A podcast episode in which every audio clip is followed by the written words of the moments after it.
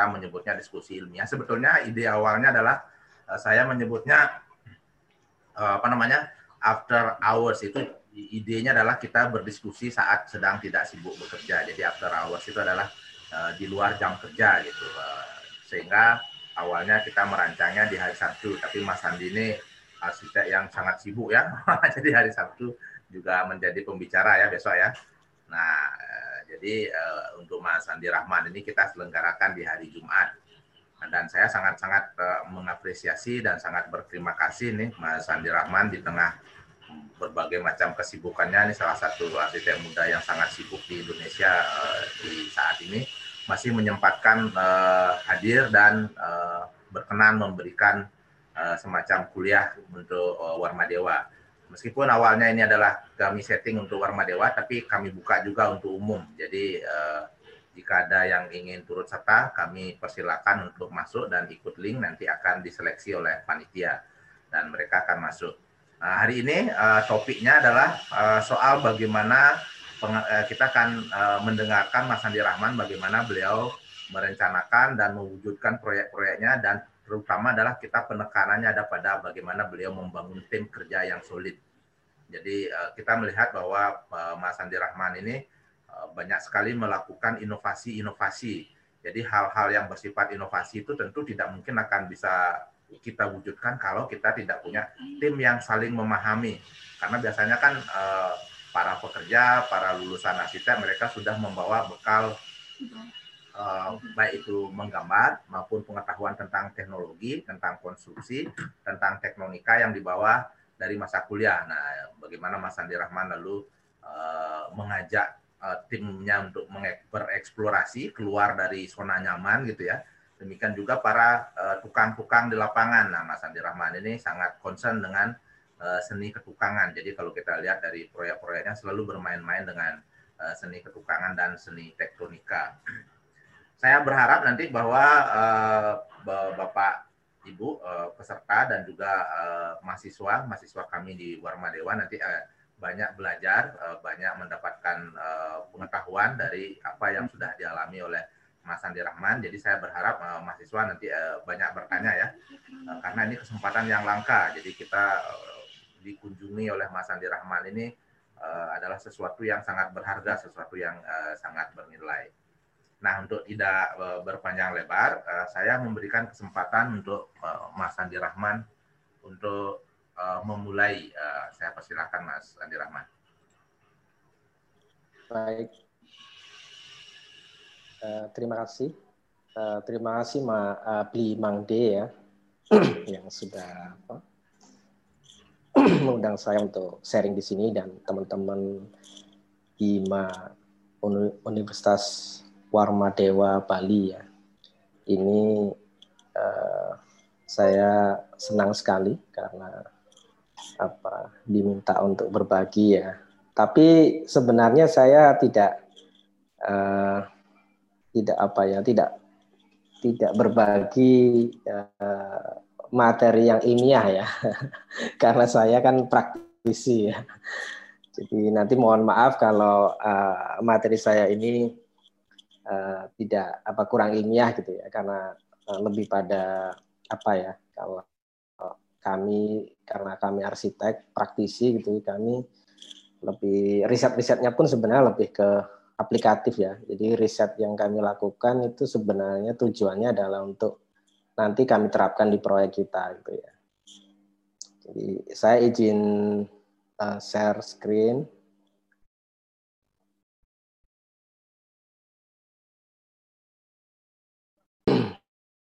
ini apa saya beri judul kerja komunal. Jadi sebenarnya uh, seperti yang disampaikan uh, Limang D bahwa betul jadi arsitek itu sebenarnya tidak bisa bekerja sendiri ya karena dia butuh tim butuh disupport banyak pihak gitu. Sehingga lebih kolaboratif sebenarnya kerjanya itu. Dan sebenarnya uh, memang kalau kita ambil ambil apa, sejarah kita gitu ya jadi bagaimana nenek moyang kita bekerja sebenarnya nenek moyang kita dulu bekerjanya ya bekerja komunal atau bekerja bersama atau gotong royong gitu ya. Jadi ya beginilah nenek moyang kita dulu bekerja gitu ya. Jadi tidak ada one man show tidak ada. Jadi semuanya saling bahu membahu mewujudkan sebuah karya bersama gitu ya. Uh, ini ciri-ciri Nusantara ya, ciri Asia juga sebenarnya. Jadi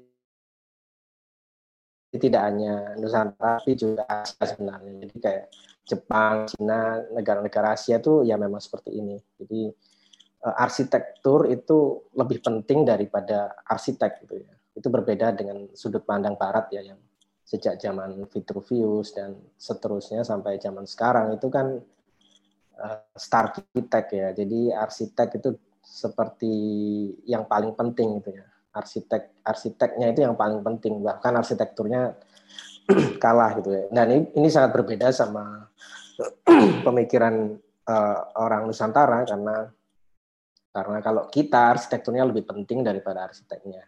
Jadi tidak heran kalau kita itu tidak benar-benar tahu siapa arsiteknya Candi Borobudur atau Candi Prambanan gitu ya. Jadi karena memang memang memang tidak tidak kerjanya adalah kerja bersama. Demikian juga dengan ini ya. Ini adalah pencapaian-pencapaian yang luar biasa yang sudah dicapai nenek moyang kita ya. Rumah-rumah Nusantara dari Sabang sampai Merauke yang punya ciri khas khasnya masing-masing dikembangkan dari material setempat menghasilkan sebuah karya yang yang yang sangat kontekstual gitu ya. Dan semuanya bagus ya semuanya pencapaiannya sama-sama baiknya semua. Tapi kan tidak pernah muncul siapa arsiteknya kan karena mereka ya memang tidak tidak ada one man so semuanya bekerja bersama. Jadi uh, arsiteknya adalah masyarakat gitu ya Nah, memang di era modern ini kita punya tantangan ya. Ini Candi Borobudur, Candi Prambanan juga demikian ya, yang yang mahakarya luar biasa, pencapaian yang diakui dunia lah gitu ya. Tapi kan arsiteknya tidak dimunculkan sebagai sosok yang ini arsiteknya Candi Borobudur, ini arsiteknya Candi Prambanan yang yang yang apa ya? Seperti halnya arsitek di barat gitu ya yang sangat terkenal sangat kuat gitu ya. Nah sebenarnya uh, ini tantangan ya di zaman modern ya seperti yang kami alami karena pendidikan arsitektur kita sejak 1950 uh, ITB ada jurus uh, didirikan jurusan arsitektur sampai sekarang itu sistemnya adalah sistem barat ya kurikulumnya sehingga apa ya cara kerjanya pun seperti Barat, jadi tidak tidak seperti cara bekerja kita dulu orang Nusantara. Nah ini ini menjadi tantangan tersendiri buat buat generasi ya uh, generasi apa ya era itu ya sampai sekarang yang kami alami juga. Jadi di studio kami pun sistemnya juga juga seperti itu. Jadi tidak uh, beberapa arsitek yang yang menurut saya luar biasa memang bisa melepaskan diri dari ini gitu ya seperti teman-teman apa Pak Eko Prawoto, kemudian Romo Mangun, kemudian uh, di Bali saya sangat sangat kagum dengan beliau Kasara seperti itu. Jadi mereka ya ya berpraktek seperti orang-orang Nusantara dulu berpraktek dan hasilnya juga luar biasa itu ya.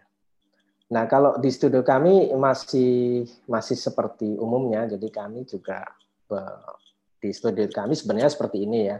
Ini yang yang uh, yang yang inti ya. Jadi saya sebagai prinsipal sama wakil saya Abdi Abdi Manaf ini teman satu angkatan saya waktu kuliah dulu. Jadi kami berdua menjadi prinsipal di studio kami. Lalu di bawah kami itu ada arsitek in charge. Arsitek in charge ini staff-staff arsitek ya, semua staff arsitek yang ada di studio kami yang akan uh, bertanggung jawab terhadap proyek-proyek yang mereka handle.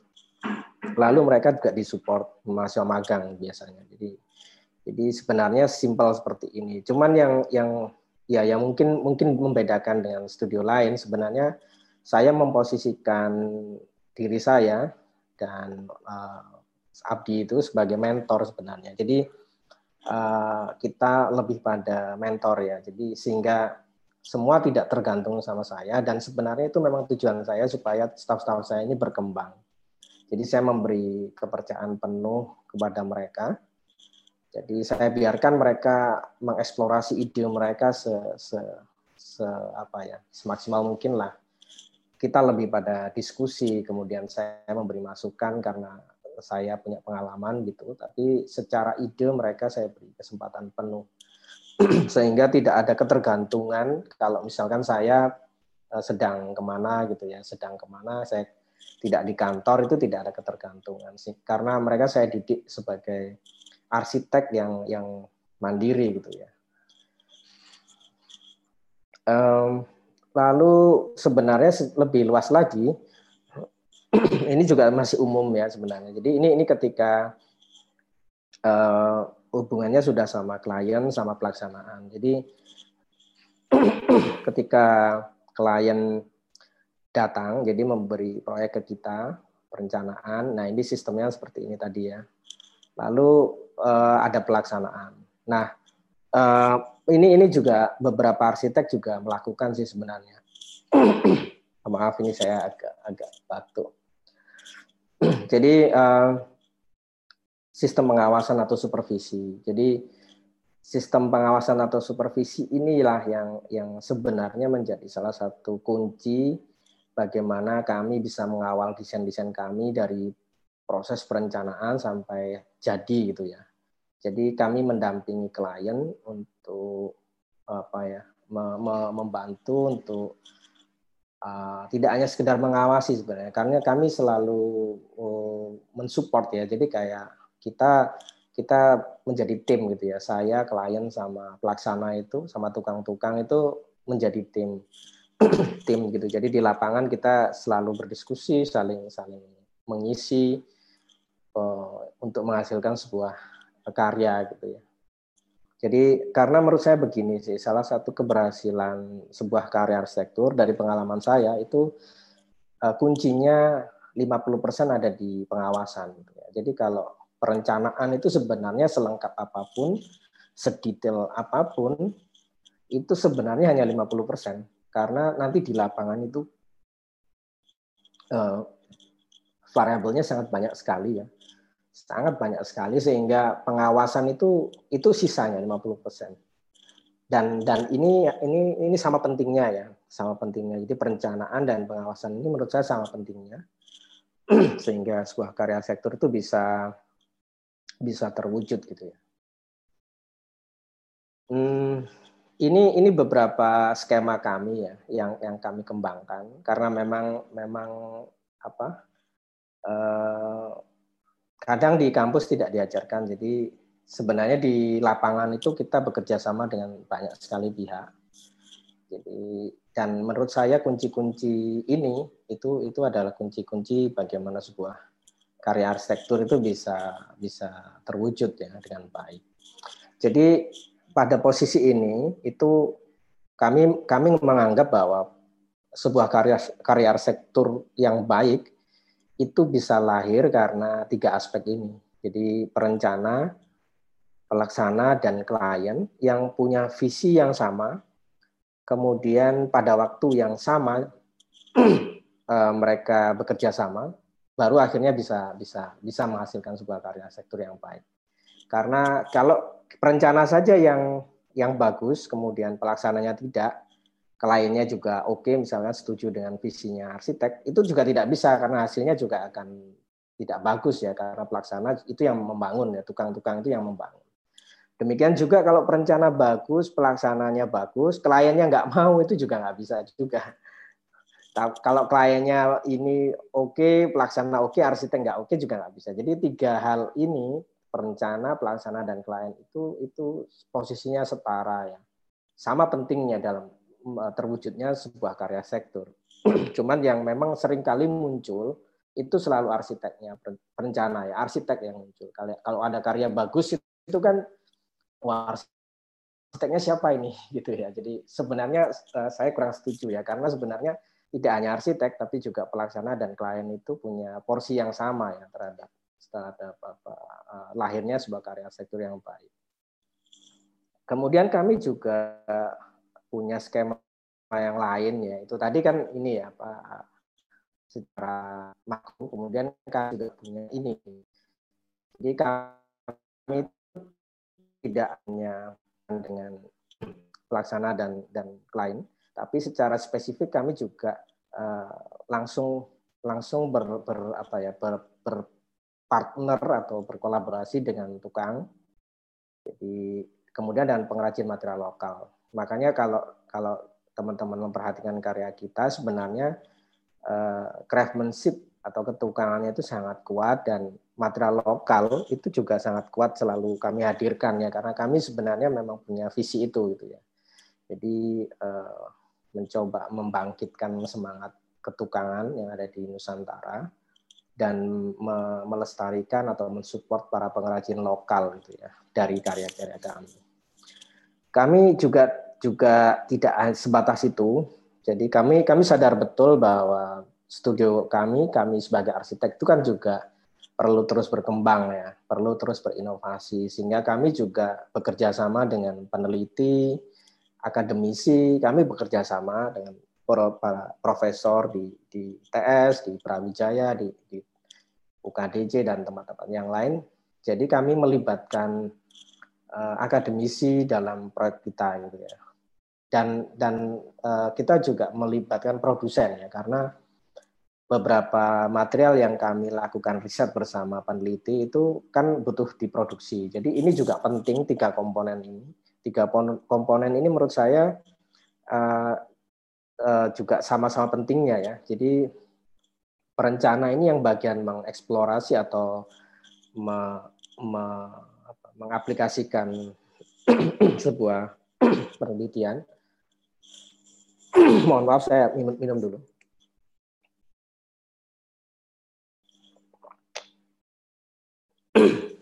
Kemudian peneliti ini dari pihak kampus ini yang memang meneliti mereka memang memang apa ya secara ilmiah uh, meneliti memiliki kemampuan atau banyak banyak melakukan penelitian. Tapi kalau tidak diajak kolaborasi ini juga juga sayang gitu ya. Sebenarnya ini saling membutuhkan harusnya. Dan dan itu co coba apa ya iklim yang kami bangun gitu ya. Bahwa arsitek itu butuh akademisi akademisi juga butuh praktisi gitu ya. Praktisi dan akademisi itu harusnya berjalan bersama tidak berjalan sendiri-sendiri, tidak ada dikotomi sendiri-sendiri, berjalan sendiri-sendiri tidak, tapi kita bekerja sama dan dan maju bersama ya untuk menghasilkan sesuatu buat buat apa ya bangsa gitu ya. produsen ini penting karena produsen ini sebenarnya yang memproduksi masal hasil dari penelitian akademisi gitu ya. Jadi arsitek itu yang bagian mengeksplorasi dan mengaplikasikan. Jadi tiga komponen ini juga sama pentingnya. Tiga komponen ini tidak bisa berdiri sendiri dan dan uh, kami membangun ini gitu ya. Kami bekerja sama dengan peneliti bekerja sama dengan produsen. Kita sering uh, mengadakan penelitian bersama dan dan apa mengaplikasikannya di proyek-proyek kita. Jadi kira kira-kira begini gitu ya. Ini uh, bagaimana kami melibatkan klien kami sebagai partner. Jadi tidak hanya sekedar dia meng kita terus kemudian selesai. Tapi ketika proses mereka Eh, kami ajak untuk terlibat ya supaya ada ikatan emosional. Salah satunya di proyek Omah Boto ini juga demikian gitu ya. Bagaimana pelaksana, bagaimana vendor, pengrajin lokal, eh, klien itu dan kami sebagai arsitek itu sebenarnya adalah satu tim gitu ya. Uh, ini saya mulai, mulai masuk di contoh-contoh karya kami ya bagaimana kami berusaha melibatkan semua unsur tadi. Jadi tadi. Ini contoh-contoh nanti setelah ini itu lebih pada bagaimana semua elemen tadi itu kami kami apa ya kami uh, uh, apa kami ajak bekerja bersama gitu ya untuk melahirkan sebuah karya sektor. Saya membuka dengan ini supaya teman-teman di sini juga apa ya tahu bahwa sebenarnya karya kita juga sebenarnya proses kita sebenarnya sangat manusiawi, sangat wajar, sangat lumrah gitu ya, sangat pada umumnya. Karena sebenarnya ini ini karya kami. Saya masuk di ITS tahun 2000, kemudian 2004 saya lulus, lalu 2004 sampai 2014 ya. Itu kami menghasilkan ini karya-karya yang sempat kami dokumentasikan gitu ya. Ini karya-karya kami selama 10 tahun dari tahun 2004 sampai 2014. Tapi kalau teman-teman lihat kan ya ya ya seperti inilah ya, umum ya. Jadi uh, mainstream itu ya minimalis yang seperti ini. Nah, uh, sampai pada suatu ketika, tepatnya ketika saya mengerjakan proyek ini gitu ya, rumah kos putih jilid satu, itu saya uh, memberanikan diri untuk apa ya, mempraktekkan uh, ketukangan ya, ketukangan untuk ketukangan di proyek ini gitu ya. Kita membuat material custom, kemudian mengubah cara berdialog kita dengan tukang-tukang kita gitu ya. Yang awalnya ini lebih pada apa ya, ya benar-benar pengawas gitu ya, yang ya saya maunya begitu gitu ya, tidak ada uh, apa uh, komunikasi, kemudian timbal balik gitu ya. Kita memposisikan sebagai arsitek atau atasan, tukang sebagai bawahan gitu ya. Sehingga tukang itu sungkan mau mau ngomong sama kita, kalau kita salah itu sungkan gitu sehingga ada jarak gitu. Ini ini sebenarnya praktek yang umum terjadi di arsitek muda ya. Dan karena memang kita tidak diajari untuk berkomunikasi dengan tukang. Sehingga yang saya alami ini sebenarnya yang dialami semua arsitek muda yang setelah lulus karena memang kita tidak diajari skill untuk memposisikan diri uh, dengan tukang-tukang kita di lapangan. Jadi yang terjadi seperti ini. Nah, di akhir 2013 ketika kami merencanakan proyek ini, itu kami mencoba mengubah cara kami bekerja ya. Yang yang awalnya top down dan kita mencoba bottom up. Jadi apa ya?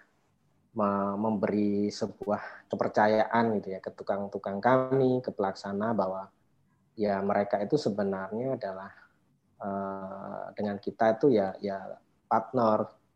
Dan ini adalah karya-karya kami setelah itu ya setelah 2014 ini karya-karya kami setelah 2014 nah uh, di proyek pertama kami ketika kami mengeksplorasi material lokal itu itu di di 2014 setelah rumah kos putih jilid satu itu rumah Puri Surya Jaya. Jadi rumah kos keputih jilid satu itu kami menemukan apa ya semacam keyword bagaimana bekerja dengan tukang gitu ya. Lalu di 2014 kami menerapkan itu gitu ya secara secara lebih kompleks gitu ya, berani gitu ya. Nah, ini Pak Narto tukang kita waktu itu ya. Jadi waktu kami memulai craftsmanship dan kami mencoba material, kami memulai memulai craftsmanship itu dengan material yang yang tukang kita akrab. Ya, kenapa kenapa bata sebenarnya alasannya lebih pada itu ya. Jawa Timur kan memang kita punya tradisi bata yang kuat seperti Bali ya. Dan kualitas batanya memang sangat baik, harganya juga sangat murah dan dan masyarakat Jawa Timur sangat umum dengan bata.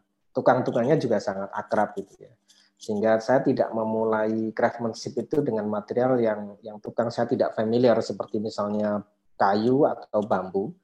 Tapi kami kami lebih mendekatkan eh, atau memakai material yang mereka itu ya sehari-hari sebenarnya mereka ya proyek mereka kerjakan ya ya bata itu. Bata bata bata apa pun ya bata merah bata bata ringan kayak gitu. Jadi kita mencoba ini pertama kali saya memberi kepercayaan ke Pak Nar Narto tadi itu itu ini proyek kita. Jadi kita mencoba bekerja dengan ini ya apa bahasa Pak Pak Eko Prawoto itu uh, tukang bekerja dengan rasa itu ya. Tukang bekerja dengan rasa bersama kita ya. Jadi kayak awalnya ya ini sederhana gitu ya. Jadi kita membuat sebuah backdrop untuk tangga, area tangga gitu dengan tektonika yang yang yang lebih intuitif sebenarnya ya. Jadi kayak uh, tukang kita ini uh, beberapa kali kerja kerja sama sama kita, saya pelajari oh tukang ini punya punya intuisi yang baik gitu ya. Dia bisa bekerja dengan rasa. Coba itu yang kami bangun ya. Sebenarnya tukang kita sebenarnya tukang biasa semua. Tukang umum ya, tukang umum yang tidak punya skill khusus sebenarnya. Jadi tukang biasa, tapi kita edukasi, kita didik pelan-pelan gitu ya. Jadi Nah, sepertinya contoh seperti contohnya di proyek ini gitu ya. Ini terus kemudian bikin pagar dari bata ringan gitu ya. Ya bata ringan karena memang di sini murah dan umum dan mereka familiar gitu ya. ini ini berhasil di 2014 ini ini berhasil. Jadi uh, saya bahagia, tukang saya juga bahagia waktu itu. Wah, ternyata bisa ya. Nah, dari situlah akhirnya kami lebih percaya diri gitu. Uh, selanjutnya kita mencoba itu yang akhirnya uh, kami kami kami fokuskan di situ ya. Jadi arsitektur kami sebenarnya lebih pada uh, craftsmanship dan meng, me, mengeksplorasi material lokal dengan dengan berpijak pada prinsip-prinsip arsitektur Nusantara. Jadi ini proyek-proyek kami setelah 2014 Eh, dan dan sebenarnya kita punya punya tim lain ya. Jadi di luar itu semua, di luar yang hubungannya teknis, desain dan pelaksanaan, kita itu disupport sama uh, apa orang-orang yang ahli di bidangnya. Jadi kita punya fotografer, kemudian videografer, lalu writer, penulis, kemudian uh, graphic designer. Jadi tapi mereka bukan in-house, mereka adalah partner kami, partner kami. Karena kami sadar betul bahwa uh, karya yang baik itu harus disupport oleh orang-orang yang ahli di bidangnya gitu ya. Dan dan itu juga perlu dipublikasikan. Dari kesadaran itulah kami juga berkolaborasi dengan banyak pihak di luar di luar yang hubungannya sama ini ya teknis uh, bangunannya itu sendiri itu ya ini ini beberapa proyek kita saya mau kupas sedikit-sedikit gitu ya. Ada rumah kos putih jilid 6. Nah, ini yang baru saja kami bukukan. Jadi rumah kos putih jilid 1 sampai 6 itu satu komplek ya. Iya satu komplek, dia hanya beda gang aja ya. Jilid 3, ini jilid 2 sama 6, jilid 1 itu satu komplek.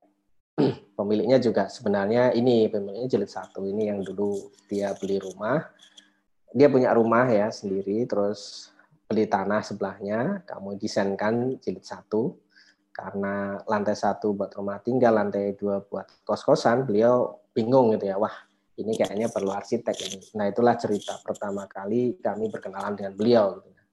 Setelah uh, kos-kosan ini jadi, beliau senang, kemudian ternyata juga peminatnya banyak sekali. Jadi karena kos-kosan yang lain tidak didesain, kos-kosan beliau ini didesain, jadi uh, mahasiswa itu antri gitu ya, untuk kos di sini gitu ya, sampai sampai belasan orang gitu ya, sehingga beliau akhirnya karena punya tanah di sini uh, yang dulunya kontrak rumah dikontrakkan, lalu sama beliau setelah berhitung secara uh, ekonomi dia lebih jauh lebih menguntungkan jadi kos-kosan. Akhirnya rumah rumah kontrakannya ini dibongkar total dan meminta kami untuk mendesain rumah kos putih jilid dua. Dan ini berlanjut terus. Ini jadi yang inden banyak bikin jilid tiga. Jilid tiga inden banyak jilid empat lima jadi ini pemiliknya satu kecuali jilid enam jilid enam ini uh, klien kami yang lain gitu ya. saya akan cerita satu saja yang jilid enam ya di sini jadi jilid enam ini sebenarnya adalah ini kalau misalkan handphone itu ya, handphone itu uh, ya salah satu merek misalkan seri 1 gitu ya. Seri 2, 3 dan berikutnya itu sebenarnya upgrade gitu ya. Karena kami belajar dari jilid 1, di jilid 2 kami upgrade gitu ya. Oh, kelemahan-kelemahan di jilid 1 itu apa? Di jilid 2 kami akan perbaiki dan kita tambah fitur baru seperti itu. Nah, jilid 6 itu seperti itu. Jadi yang ke-6 dia dia fiturnya yang paling lengkap dan dia memang apa ya uh, paling paling inilah paling paling kompleks menerapkan prinsip-prinsip arsitektur Nusantara gitu ya. Jadi jilid 6 ini juga yang paling banyak ruang komunalnya gitu ya. Jadi ruang komunalnya itu ada empat gitu ya. Terus kemudian prinsip-prinsip Nusantaranya itu cukup kompleks. Jadi kayak uh, apa? Eh, tidak hanya dindingnya yang bernapas, tapi juga lantainya bernapas gitu ya.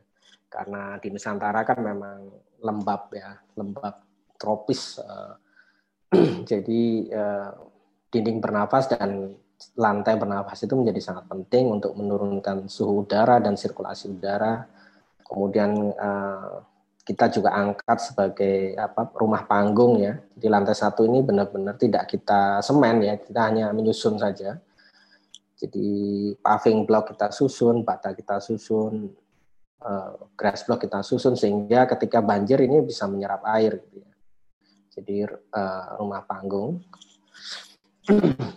Kemudian ini apa bagaimana karena karena dindingnya semua lantai di rumah kos ini kecuali kamar mandi dan kamar itu bercelah, maka terang langit bisa sampai bawah gitu ya.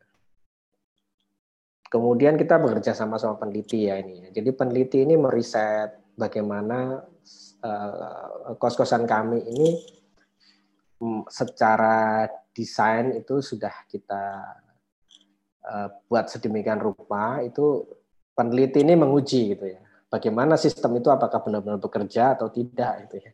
Jadi Pak Pak Agung ini dosen dari Brawijaya ya. Memang memang concernnya dalam meneliti uh, apa ya efek courtyard rooster dalam sebuah bangunan. Nah beliau ini meneliti rumah kos putih jilid 6 ini. Jadi beliau ingin meneliti dan kami persilahkan gitu ya karena karena hasil risetnya nanti kan bisa jadi refleksi buat saya kemudian dia juga butuh itu untuk untuk membuat jurnal gitu ya. Kami bekerja sama saling saling apa ya mutual mutualisme gitu ya. Dan hasilnya juga cukup apa ya menjadi apa pembelajaran bersama ya. Karena ternyata dengan efek rooster apa dinding bernafas yang seperti nenek moyang kita lakukan dulu ternyata benar benar-benar efektif gitu ya ketika suhu di luar 31 derajat itu di, di kamar tuh bisa 28,4. Penurunannya bisa sampai 5,7 di courtyard. Jadi courtyard ini karena dia tiga lantai, di atas ini juga terbuka, jadi jadi efek cerobong. Gitu. Uh, suhu udara yang panas itu naik. Di, dan yang di riset ini tidak hanya jilid 6, tapi jilid 1 sampai jilid 6. Jadi di jilid 2 pun demikian ada ada ruang ini di bahannya ruang komunal gitu ya jadi ada cerobong di tengah yang yang itu yang membuat udara panas itu tertarik ke atas gitu. Ya. Sehingga bisa bisa menurunkan suhu di di, di rumah kos uh, jilid 2 dan jilid 6. dari dari riset beliau itu kami ketahui bahwa yang paling penurunannya paling penurunan suhunya paling efektif itu di jilid 2, 3 dan 6 karena ada ada courtyardnya. Jadi paling lengkap jadi kalau yang lain itu kan dinding bernafas, uh, ya, tapi tidak ada courtyard. Tapi yang di jilid 2, 3, dan 6 itu ada dinding bernafas sama sama courtyard. Ini dinding apa lantainya ya dari dari uh, grill besi ya yang memang benar-benar bernafas gitu ya ini kos-kosan laki-laki ya, jadi jangan dibayangkan nanti kalau ada mahasiswa pakai high heels nggak ada gitu ya, dan mahasiswa pakai rok juga nggak ada gitu ya. itu uh, ini jadi bisa dari lantai satu bisa sampai ke atas. Ini lantai tiga, ini lantai dua, ini lantai satu ruang komunalnya. Kemudian di rooftop juga ada. Lalu ini bagaimana kami membuatnya itu ya, menyusun eh, salah satu uh, tektonika yang yang cukup kuat di rumah kos ini yaitu uh, dinding bernafas yang menjadi fasad utama dari rumah kos ini. Jadi rumah kos ini memang lahannya terbatas, cuma 8 kali 15 dengan kebutuhan tiga lantai yang yang banyak sekali apa ya um, kita harus mensiasatinya supaya supaya tetap nyaman gitu ya, tetap ideal gitu ya. Salah satunya adalah karena dia butuh tem ke apa uh, ke tempat parkir yang cukup luas gitu ya, baik mobil maupun maupun uh, uh, sepeda motor itu kami tidak memungkinkan menanam tanaman di depan gitu ya. Sehingga karena depan ini buat parkir mobil.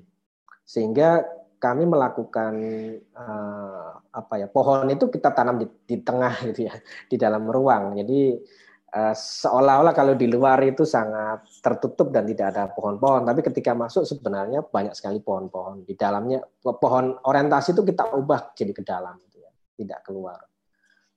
Dan ini ini ini uh, uh, bagaimana kami bekerja dan tukang-tukang kita ya meriset gitu ya kami melakukan riset di studio, tukang-tukang kita melakukan riset di lapangan. Jadi ini ini benar-benar mereka riset ya dan dan mereka menguji coba gitu ya. Jadi mereka melakukan banyak sekali uji coba untuk menentukan besi yang pas ya, mulai dari besi 6, 8, 10 sampai 12 itu punya efek kelenturan seperti apa dan apa ya uh, yang paling pas yang mana semen yang dipakai pun itu semen apa itu mereka melakukan riset itu dan ini hasilnya itu ya. Hasilnya. Jadi uh, ya karena tadi ini ada besinya sehingga seolah-olah tidak ada balok atau kolom ya. Benar-benar hanya bata saja. Padahal sebenarnya itu ada ada risetnya juga yang dilakukan oleh tim studio dan tim di lapangan. Lalu studio kami, studio kami itu juga merupakan apa pengkinian dari arsitektur uh, rumah Jawa ya. Karena sebenarnya secara prinsip memang demikian. Jadi kalau rumah Jawa itu kan punya tipologi denah seperti ini. Jadi uh, pendopo, peringgitan, sama rumah dalam. Nah, uh, pendopo ini itu sebenarnya ruang komunal sebenarnya. Jadi meskipun tanah yang dimiliki orang Jawa itu segini ya, tapi hakikat rumahnya itu hanya yang hijau ini. Jadi prinsip hidup orang Jawa itu berbagi. Itu yang kami terapkan di studio kami. Jadi meskipun tanah studio kami seluas ini, tapi yang merah ini adalah ruang komunal. Jadi yang merah itu adalah untuk masyarakat gitu ya. Jadi kegiatan yang terjadi pun ya demikian. Jadi ada ini yang kami kami catat ya dari November 2016 sampai November 2019 sebelum COVID ya ini ya, itu terjadi 100 kan 100 event yang yang sudah terjadi di studio kami dan itu tidak hanya arsitektur ya. Jadi 57 event arsitektur, 43 event lainnya itu non arsitektur. Jadi pelatihan bisnis online ibu-ibu uh, apa sebagai tempat untuk belajar menggambar anak-anak ya. uh, untuk rapat RT, RW, uh, rapat rapat pengurus masjid gitu ya. Jadi uh, siapa pun boleh memakai studio kita. Jadi itu itu yang membuat studio kita justru lebih hidup ya. Jadi lebih hidup itu justru karena ada ruang komunal itu karena karena uh, itu yang membuat studio kami bisa punya dampak untuk sosial ya untuk masyarakat gitu ya. Dan di studio kami juga sama. Jadi ya ya, ya seperti ini kami mengangkat craftsmanship, melakukan riset-riset yang kita aplikasikan di studio kami bersama tukang-tukang kita gitu ya yang yang yang ini menjadi apa ya semacam kebiasaan kami ya selanjutnya di proyek-proyek kami selanjutnya ini yang yang Omah Boto saya coba singgung juga ya jadi bagaimana Omah Boto itu kami sebenarnya merupakan penelitian kami di, di ini Candi Pari dan Candi Sumur yang jaraknya hanya 4 kilo ya yang kami memang meneliti tektonikanya waktu itu. Kemudian proyek ini datang. Gitu ya. Nah, karena klien juga berharap dia dia sangat senang dengan arsitektur bata kami. dia ingin rumahnya itu memakai bata itu sebagai material utama seperti halnya studio kami gitu. Nah, eh, karena waktu karena ketika proyek ini datang kami memang sedang melakukan penelitian eh, mempelajari tektonika Candi Pari dan Candi Sumur ini, kami menawarkan itu gimana kalau kami punya sedang melakukan riset ini Pak riset. Karena riset kami seperti yang saya sampaikan di awal bahwa sebenarnya tujuannya untuk kita aplikasikan ya, di proyek ya. Bagaimana kalau kami terapkan di proyek Bapak itu ya. Oh, boleh silakan.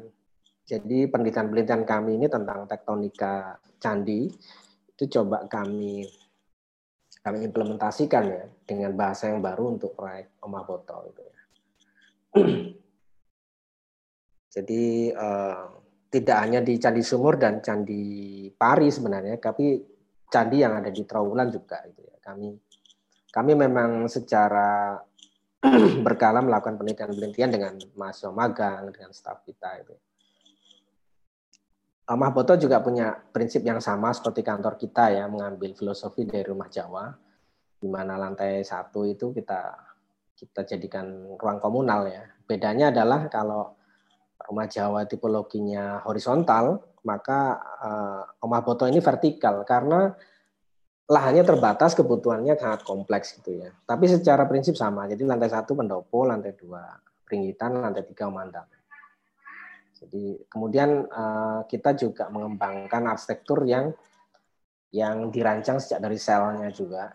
Jadi kita tidak memakai metrik ya dalam rumah ini pembangun rumah mem merencanakan rumah ini tapi, tapi memakai uh, dimensi dari batanya ini sendiri gitu ya. Jadi lebar luang itu berapa berapa L-nya bata, tingginya berapa hanya bata, dan itu kami perlakukan di setiap elemen gitu ya. Jadi lebar pintu, tinggi pintu, lebar jendela, tinggi jendela, lebar trap tangga, tinggi trap tangga, lebar pagar, dan lain sebagainya itu ya. Jadi kita tidak memakai metrik, tapi memakai dimensi dari bata itu, kelipatan dari bata itu. Kemudian kita melakukan penelitian batanya yang kita, bata yang kita pakai itu kita teliti gitu ya. Bagaimana cara sejak proses pembuatannya itu itu bagaimana cara membuatnya itu, kemudian sifatnya itu seperti apa gitu ya. Karena itu sangat pengaruh dengan dengan eksplorasi desain gitu ya. Karena karena kami harus tahu karakter dari material itu sejak dari dibuat itu seperti apa sehingga kita bisa mengeksplornya sejauh mungkin gitu. Sehingga ini hasilnya tektonika yang sudah kami kembang kinikan ya. Kami terapkan di Amahboto ada 13. Beberapa ini dari kita ambil dari apa? batik ya, batik parang, batik kucuk rebung gitu. Kita juga melibatkan tukang-tukang yang tadi pengrajin lokal tadi, pengrajin material lokal, tukang-tukang lokal yang memproduksi anyaman bambu, kebiok gitu ya, jadi kenapa kami melibatkan mereka di setiap proyek kita? Karena kita ingin mereka tetap lestari gitu ya. Karena kalau mereka tidak kita support dengan melibatkan mereka di proyek kita, maka mereka akan lama-lama tidak tidak ada job dan akan beralih profesi gitu. Dan itu sangat disayangkan karena sebenarnya itu kan harta karun kita sebenarnya. Ya, peran kita sebagai arsitek supaya mereka tetap lestari itu ya libatkan mereka di proyek-proyek kita. Meskipun ya dengan cara yang baru ya. Ini kan bukan anyaman yang model lama tapi anyaman yang baru. Jadi dengan bahasa yang baru, cara bekerja kami juga demikian seperti ini. Jadi uh, ya, ya kita melakukan apa ya diskusi yang bikin mock up bersama, kita studi bersama dengan tukang-tukang kita. Bahkan sering kali kak saya belajar dari tukang-tukang saya karena mereka kan memang memang sangat paham masalah teknis ya. Mereka sangat memahami karakter material gitu ya. Jadi mereka yang tiap hari bergelut dengan material itu dan mereka sangat uh, pengalamannya sangat lama sehingga diskusi-diskusinya lebih seperti ini ya. Saya saya juga banyak sekali belajar terhadap hal-hal yang teknis gitu ya. Ya ya. Karena kita sebagai arsitek kan memang uh, tidak ahli di bidang di bidang teknisnya ya. Mereka yang ahli. Jadi kita bekerjanya ya seperti ini. Nah ini hasilnya ya, ini cepat saja. Jadi Oma Foto yang yang menekankan pada itu tadi craftsmanship dan eksplorasi material lokal dengan melibatkan tukang sebagai bisa dipelanin mas bagian ini mas. Oh bisa dipelanin katanya. Oke oke saya balik ya pelan pelan ya sambil cerita sedikit ya. Nah, ini, ini ini sebenarnya gedek ya, yaitu tadi sebenarnya salah satu ciri khas arsitektur kita itu kan breathing wall yang kami ambil dari gedek karena uh, dari uh, Profesor Yosef Riotomo ya salah satu ciri arsitektur Nusantara itu adalah dinding bernafas. Karena suhu atau iklim kita ini kan panas dan lembab ya. Sehingga uh, kalau menurut Pak Eko Prawoto itu jangan sampai memutus aliran angin gitu. Ya. aliran angin itu jangan jangan sampai diputus. Karena itu kodratnya tropis ya itu gitu ya. Sehingga ruangan di dalam itu tidak akan lembab dan panas. Itu yang yang prinsip itu sebenarnya yang kami pegang. Tapi modelnya macam-macam ya. Jadi kan kalau teman-teman lihat kan sebenarnya kita mainnya ya breathing wall itu tapi bahannya bisa rooster bisa bata bisa bata ringan macam-macam ini kalau dari dalam kan kayak gedek ya cahaya keluar dari dalam kalau siang sinar dari dalam keluar eh, masuk ke dalam jadi ini riset-riset yang kami lakukan ya. Biasanya riset ini seperti ini yang kami lakukannya supaya kami tidak membebani klien. Kami itu melakukan riset-riset seperti ini itu untuk uh, apa ya volume yang kecil ya. Misalkan pagar ini ya. Jadi sebenarnya pagar ini adalah riset kami sebelum sebelum mengaplikasikannya di rumah kos seperti jilid 6. Jadi ketika kami sudah mempelajari prinsip ini, kita paham itu ya di jilid 6 itu kita jadikan fasad. Nah, rumah rumah apa Omah Boto ini sebenarnya adalah riset kami setelah kami menyelesaikan kantor kami karena kami membuat dinding berongga ini kan sebenarnya kan sama seperti kantor kita, cuman volumenya kantor, kantor kita kan nggak banyak. Nah setelah riset di kantor kita itu berhasil, kita aplikasikan di proyek ini. Jadi kami punya strategi seperti itu, gitu ya, supaya uh, tidak membebani klien klien kita dengan riset, gitu ya. Jadi riset kita itu volumenya kecil-kecil di proyek-proyek yang sebelumnya, baru kita nanti berikutnya kita aplikasikan dengan volume yang lebih luas. ini ini ini memang permintaan klien karena klien tuh pengen meskipun rumahnya itu kontemporer, tapi oh, ketika tamunya datang ke rumahnya, dia tuh merasa oh ini rumahnya orang Indonesia gitu ya. Karena klien saya ini tamunya banyak orang luar juga gitu ya. Jadi ketika diterima di sini, ini klien saya cerita ini ya setelah jadi itu ya, wow mereka senang sekali di sini. Kalau ngobrol itu tamu-tamunya bisa sampai lama gitu ya, sampai lupa waktu gitu ya. Jadi itu itu juga sangat efektif dalam merespon new normal gitu ya. Karena ruang tamunya ini kan outdoor, di luar, semi outdoor ya, tidak masuk ke dalam rumah, jadi aman gitu ya. Jadi eh, ini juga open plan, ini peringgitan ya di lantai dua atau ruang transisi semuanya custom. Jadi prinsip custom atau handmade uh, itu adalah prinsip arsitektur Nusantara yang saya pelajari dari rumah-rumah tradisional dan bagaimana nenek moyang kita bekerja ya. Sehingga meskipun materialnya ini modern, ya besi apa gitu ya, tapi tetap prinsip customize, handmade dan hanya dibuat untuk proyek itu itu itu prinsip yang kami pegang. Jadi semuanya malah di sini handmade ya. Uh, armatur lampu semuanya. Jadi semuanya handmade. Ini di lantai tiga. Di lantai tiga ini juga bagaimana kami mengimplementasikan pengetahuan tentang cahaya sebagai dimensi keempat di dalam arsitektur Nusantara. Dan itu sangat sangat penting sebenarnya ya. Yang yang karena kan uh, arsitektur kita itu kan di Nusantara ya. Nusantara ini kan melimpah sinar matahari ya dari pagi sampai uh, sore gitu ya.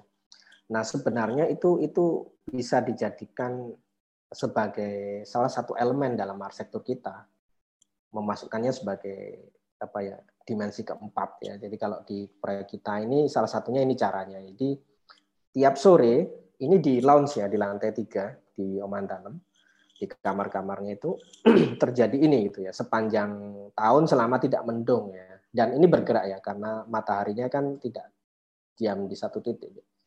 Ini terjadi ketika jam 4 sore sampai jam 5 sore. Terjadi time lapse seperti ini. Kemudian ini eh, backdrop ini dari batik pucuk rebung.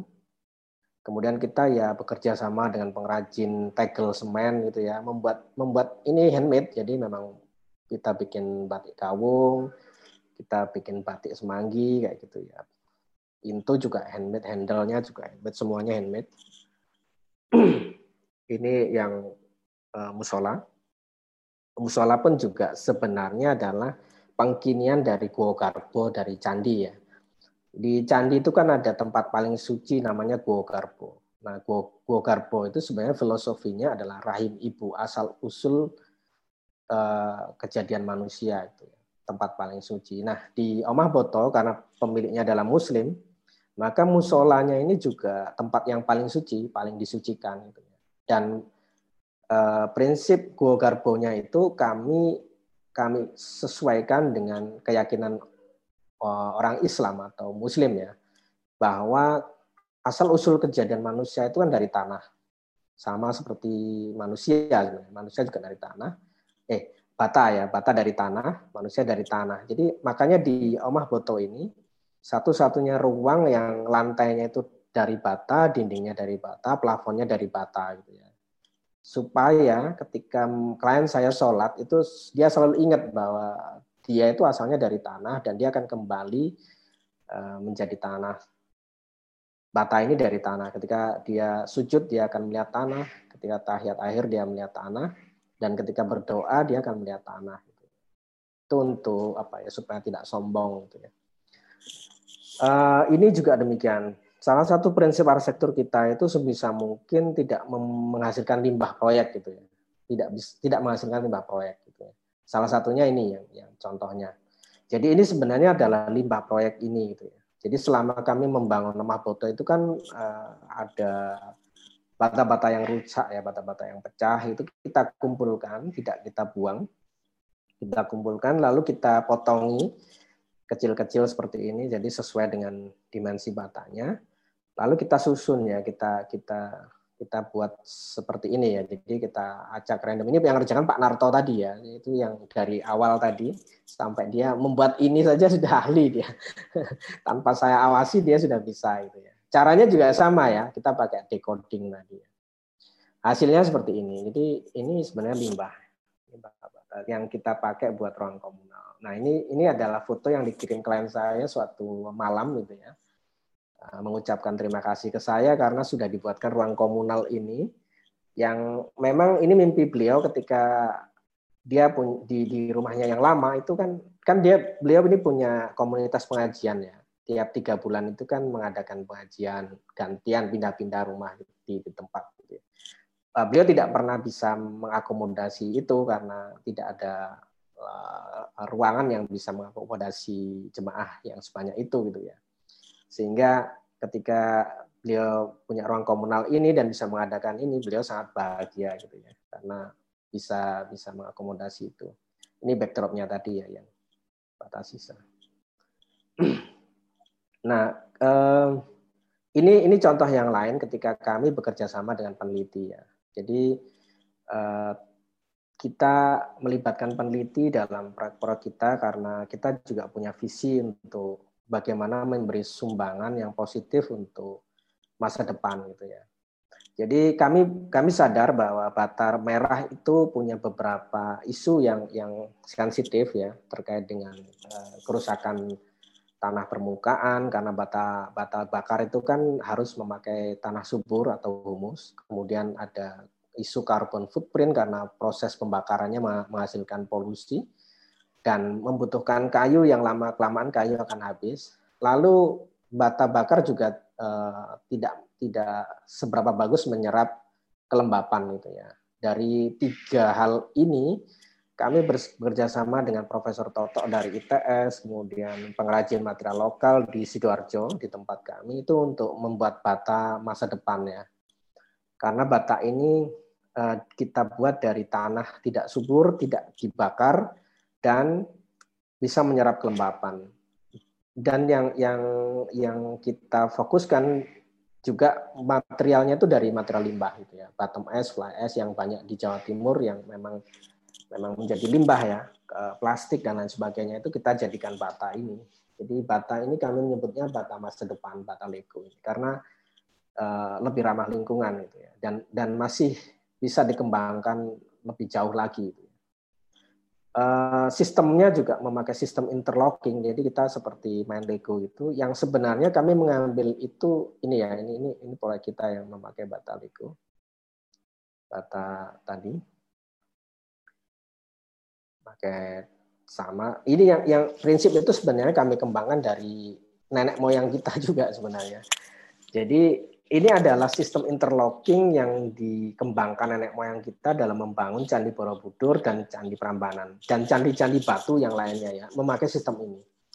Dan yang menarik adalah sistem ini tuh sebenarnya uh, sistem yang sangat cerdas ya, sangat cerdas karena sistem yang tidak memakai semen, kemudian dia me mengembangkan dari sifat bahannya. Karena dia batu, yang batu itu punya berat berat berat berat jadi sendiri maka yang yang mereka nenek moyang kita lakukan adalah membuat sistem interlocking, saling mengunci. Karena dengan berat dia akan saling mengunci gitu ya. ini candi Borobudur, ini candi Prambanan. Jadi saya bersama uh, apa tim tim pelaksana kami kami ke, ke, ke, ke candi Prambanan ya. Kami memotret ini, kami menggambar ulang gitu ya, mempelajari sistemnya.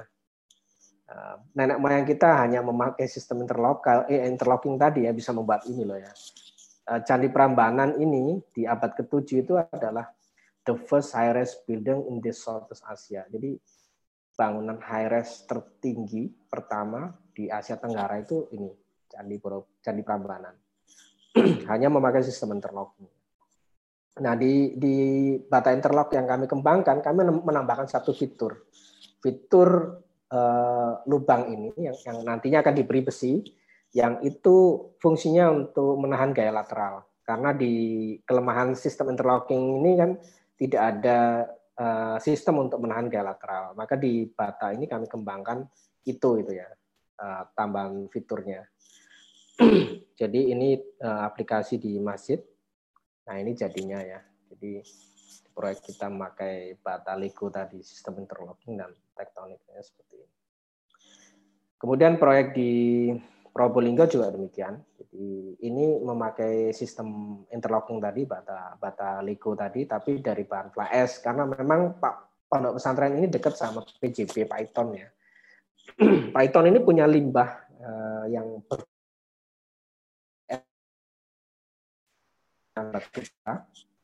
Nah itu jadi masalah dan kami mencoba menawarkan bersama Profesor Toto dan pengrajin material lokal dari Sidoarjo tadi, bagaimana kalau limbah itu kami bikin bata, kami uh, lakukan penelitian dan berhasil ya, dan ternyata batanya sangat kuat, jadi lebih dari K70 dan kita apa ajukan proposal ini ke mereka. Jadi bata itu dari uh, uh, limbah tadi, limbah fly ash bottom ash itu daripada menggunung tidak digunakan bagaimana kalau kita gunakan bersama untuk membangun pondok pesantren yang ada di sekitar situ.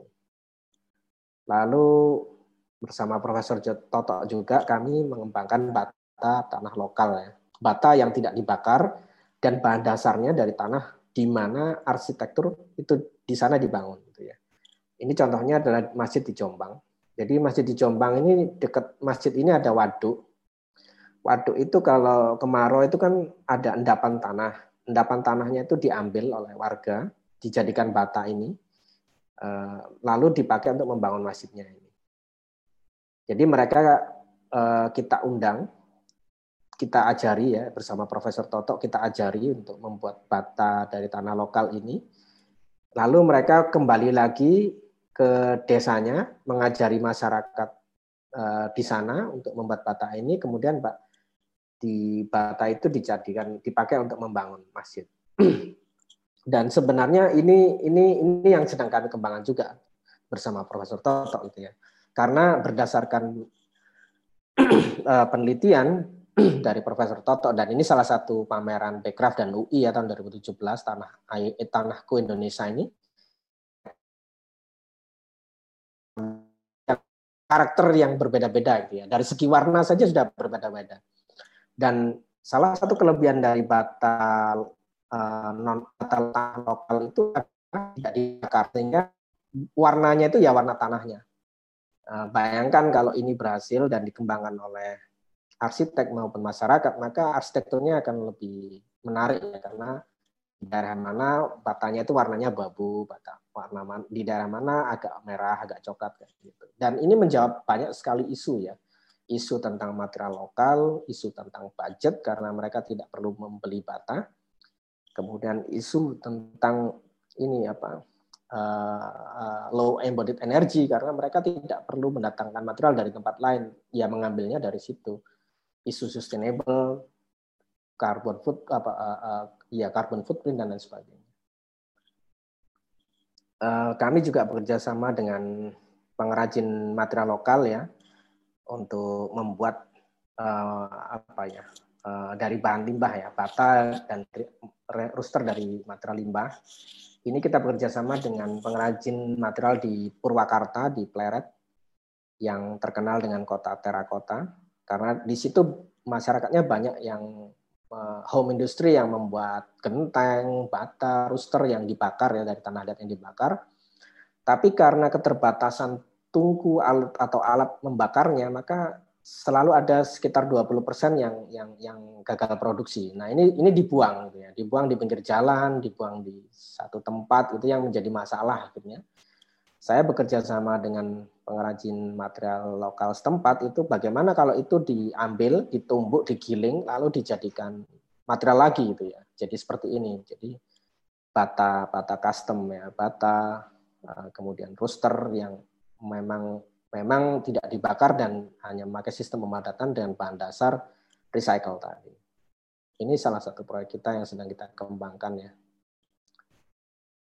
Lalu ini juga demikian, kami bekerja sama dengan pengrajin material lokal juga untuk membuat arsitektur ya. Sebenarnya saya lebih pada mengembangkan arsitektur yang yang kita desain sejak dari selnya gitu ya.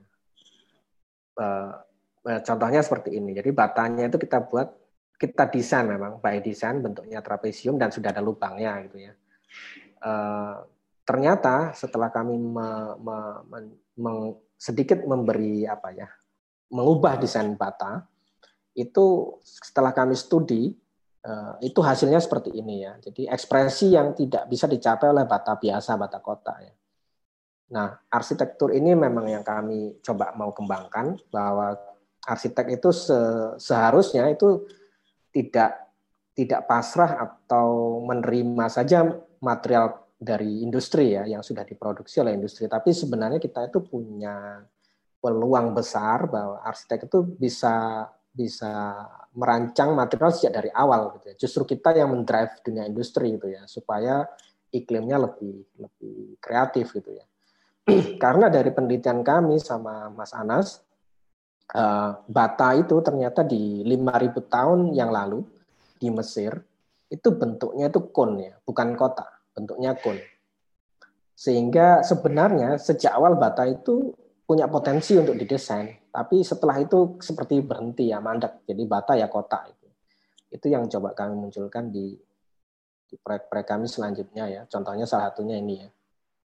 Bata trapesium itu bisa menghasilkan ekspresi tertentu. Jadi kita bersama pengrajin material lokal melakukan banyak sekali uji coba dan peneliti ya material dari bahan macam-macam itu ya. Lumpur lapindo lah apalah gitu. Jadi kita coba uji coba semua yang yang sebenarnya itu untuk visi kita untuk mengembangkan bata untuk atau material masa depan.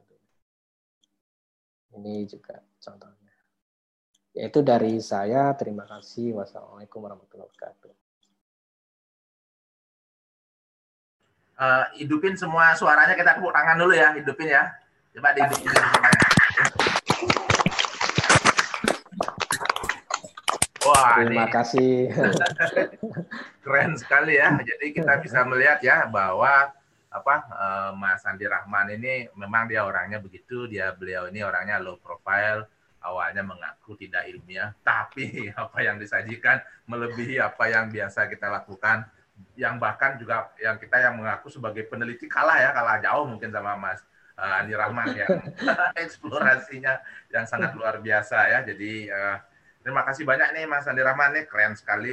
Uh, saya punya beberapa catatan nih dari sisi tadi uh, bahwa uh, yang saya suka dari beberapa pernyataan beliau adalah bahwa capaian luar biasa itu uh, hanya bisa diraih melalui kerja-kerja komunal dan Mas Andi Rahman sudah menunjukkan sendiri bagaimana beliau bekerja secara komunal dan inspirasinya ternyata nggak jauh-jauh inspirasinya adalah dari uh, candi ya dari bangunan-bangunan yang uh, ada di Indonesia jadi tidak jauh-jauh mencari sampai ke luar negeri.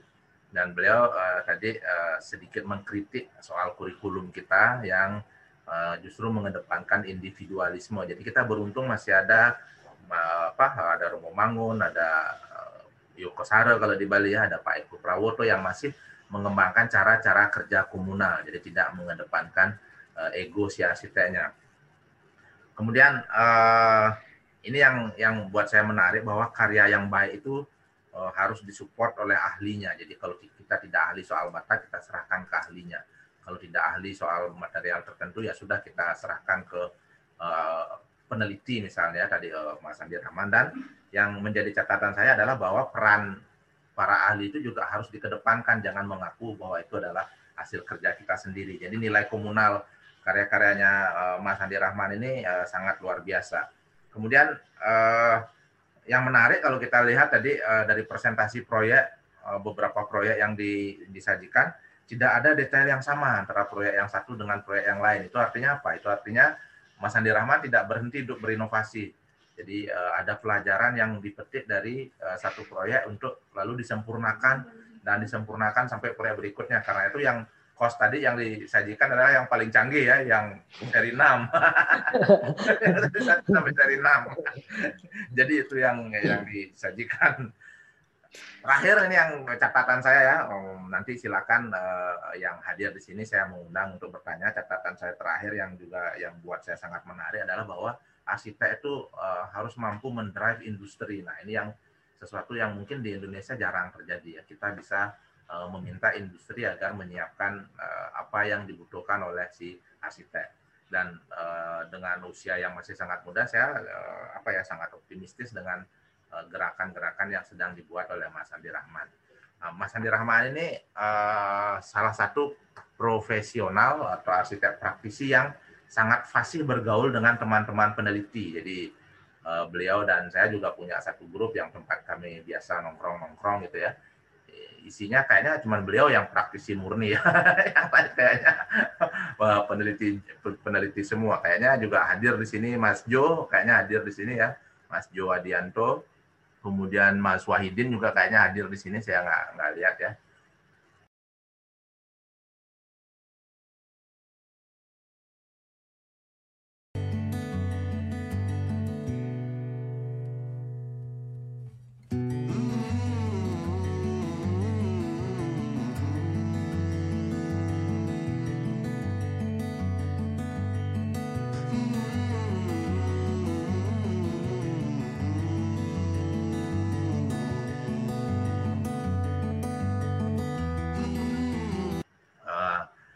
baik, uh, berikutnya uh, saya mengundang teman-teman uh, untuk uh, mengajukan pertanyaan atau barangkali sudah ada yang di chat. Kalau di chat sudah ada, belum ada ya. Silakan kalau ada yang mengajukan pertanyaan, Pak Gungde, mungkin Pak Gungde, buka dulu Pak Gungde.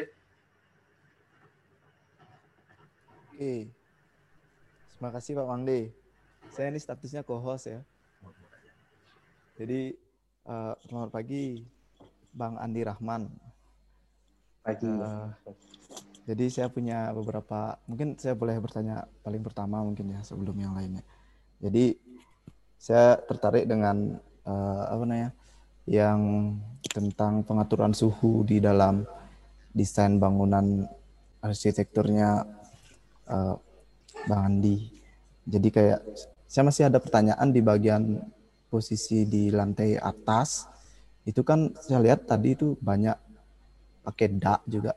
Nah, untuk yang lantai atas itu apa masih tetap bisa di apa suhunya itu masih bisa di reduce untuk biar nggak terlalu panas itu misalnya. Ada nggak tips-tipsnya? Terus yang kedua saya tertarik tentang bata. Dengan tadi ada penggunaan lantai-lantai bata itu. Kalau misalnya di outdoor atau di bagian-bagian yang tanda kutip akan bata itu kan ada yang kalau di Bali saya sering lihat itu lumut lumut-lumutnya banyak itu. Kalau untuk lantai apakah ada tipsnya supaya dia tidak ditumbuhi lumut sehingga tidak licin entah dia lumut hijau atau lumut yang seperti kerak. Nah mungkin uh, itu saja dulu. Terima kasih. Oke baik. Uh, mungkin untuk menjawab itu saya akan izin share screen tadi lagi ya. Silakan. supaya lebih jelas gitu ya.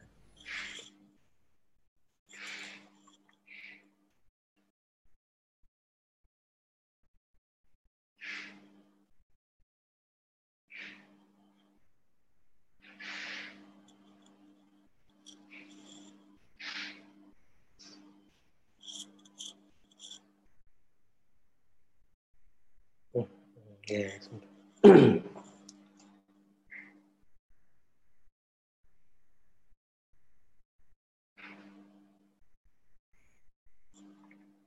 Jadi benar ya pertanyaan tadi. uh, apa mohon maaf ini saya agak-agak batuk, agak tenggorokan agak kurang enak. Jadi gini, uh, salah satu cara kami itu memakai kerikil untuk menurunkan suhu ya. Jadi uh, memang rumah kos jilid 1 sampai 6 itu hanya jilid 3 yang yang atapnya itu genteng ya karena memang jilid 3 itu kita tidak membongkar total tapi lebih pada apa ya merenovasi ya mengembangkan gitu ya. Jadi kita tetap mempertahankan atap existing. Sedangkan di jilid lain itu memang kita kita fungsikan atap itu. Sebenarnya pilihan dak itu karena di atas itu kita fungsikan. Jadi untuk cuci jemur kemudian untuk tandon kemudian untuk outdoor AC dan untuk ruang komunal gitu ya. Tapi memang betul kita perlu treatment untuk menurunkan suhu gitu ya. Karena itu dak yang kami lakukan itu memakai kerikil. Ini juga kita lakukan di di jilid 2 dan dan jilid 6 ini. Jadi ya ini kerikil. Kita pakai kerikil. Nah, kerikil ini juga me, uh, panas matahari itu akan akan apa ya diterima oleh kerikil ini uh, sehingga dak itu nggak akan panas tuh ya itu untuk jawaban yang pertama kemudian yang yang kedua gini uh, bata ya. Bata ini memang kalau dari buku uh, ketukangan kesadaran material yang Venice Biennale itu itu kan disebutkan bahwa bata itu material pertama ya uh, di peradaban manusia yang yang dalam proses pembuatannya melalui proses kimia yaitu dibakar. Itu bata jadi yang karena proses pembakaran itu ternyata mengubah sifatnya. Jadi mengubah sifat tanah liat. Tanah liat itu ketika dibakar dalam suhu 1200 derajat celcius dua hari dua malam itu sifatnya berubah menjadi bata itu. Jadi eh, nah salah satu sifatnya itu adalah porositasnya sangat tinggi. Bata ini punya porositas yang sangat tinggi. Sehingga bata itu sebetulnya cepat sekali menyerap air, kena hujan ya misalkan ini ya, kena hujan itu dia basah memang. Tapi biarkan sebentar saja ketika panas matahari apa terik lagi maka airnya akan langsung langsung lepas gitu ya apa langsung uh, keluar gitu ya sehingga bata itu kalau mau tidak tidak berlumut ya karena ini juga apa kalau di arsitek Nusantara lumut itu sebenarnya bukan masalah ya. Lumut adalah bagian proses arsitektur kita tumbuh bersama alam. Tapi memang di dunia modern ini kan banyak banyak juga banyak juga arsitek ya uh, uh, klien yang tidak mau ya, tidak mau uh, ada lumut misalkan. Itu salah satu caranya seperti ini yang kami lakukan. Jadi bata itu jangan sampai lembab terus menerus jadi kuncinya itu. Jadi ketika seperti ini misalkan kita taruh di atas ya, dia kan tidak akan lembab terus-menerus karena tidak ada air tanah yang naik misalkan. Jadi itu akan aman. Nah, eh, contoh yang lain ketika di studio kami itu kan lantainya memang bata. Di Omah Boto juga lantainya bata ini ya contohnya ya. Jadi bata ini bawahnya harus dirapat. Jadi tetap tidak boleh ada air tanah yang naik. Sehingga meskipun lantainya bata, air tanah tidak naik, maka tidak akan perlu tidak akan lembab gitu ya. Jadi aman, nggak ada masalah itu ya. Itu ya seperti ini ya. Jadi bawahnya itu sudah di intinya air tidak boleh naik gitu ya. Jadi caranya begitu ya. Caranya eh, jangan sampai bata itu lembab terus menerus itu.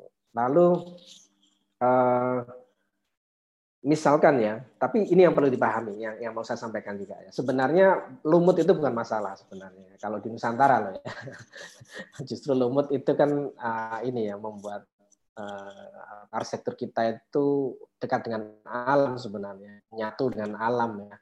Uh, justru seninya di situ kalau kalau kalau kalau saya sih ya.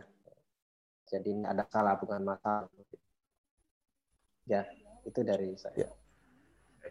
Oke, terima kasih. Nah, jadi menarik ya. Lumut itu bagian dari uh, apa arsitektur Nusantara. Saya masih ingat waktu melakukan kerja proyek apa konservasi di pura di salah satu pura di Bali. Jadi uh, kami memadukan antara bangunan lama dengan bangunan baru. Jadi bangunan baru yang belum lumutan jadi terlihat aneh ya karena di sebelahnya ada bangunan yang lama gitu yang sudah lumutan. Ya jadi caranya ya udah kita siramin tiap hari biar lumutnya cepat naik.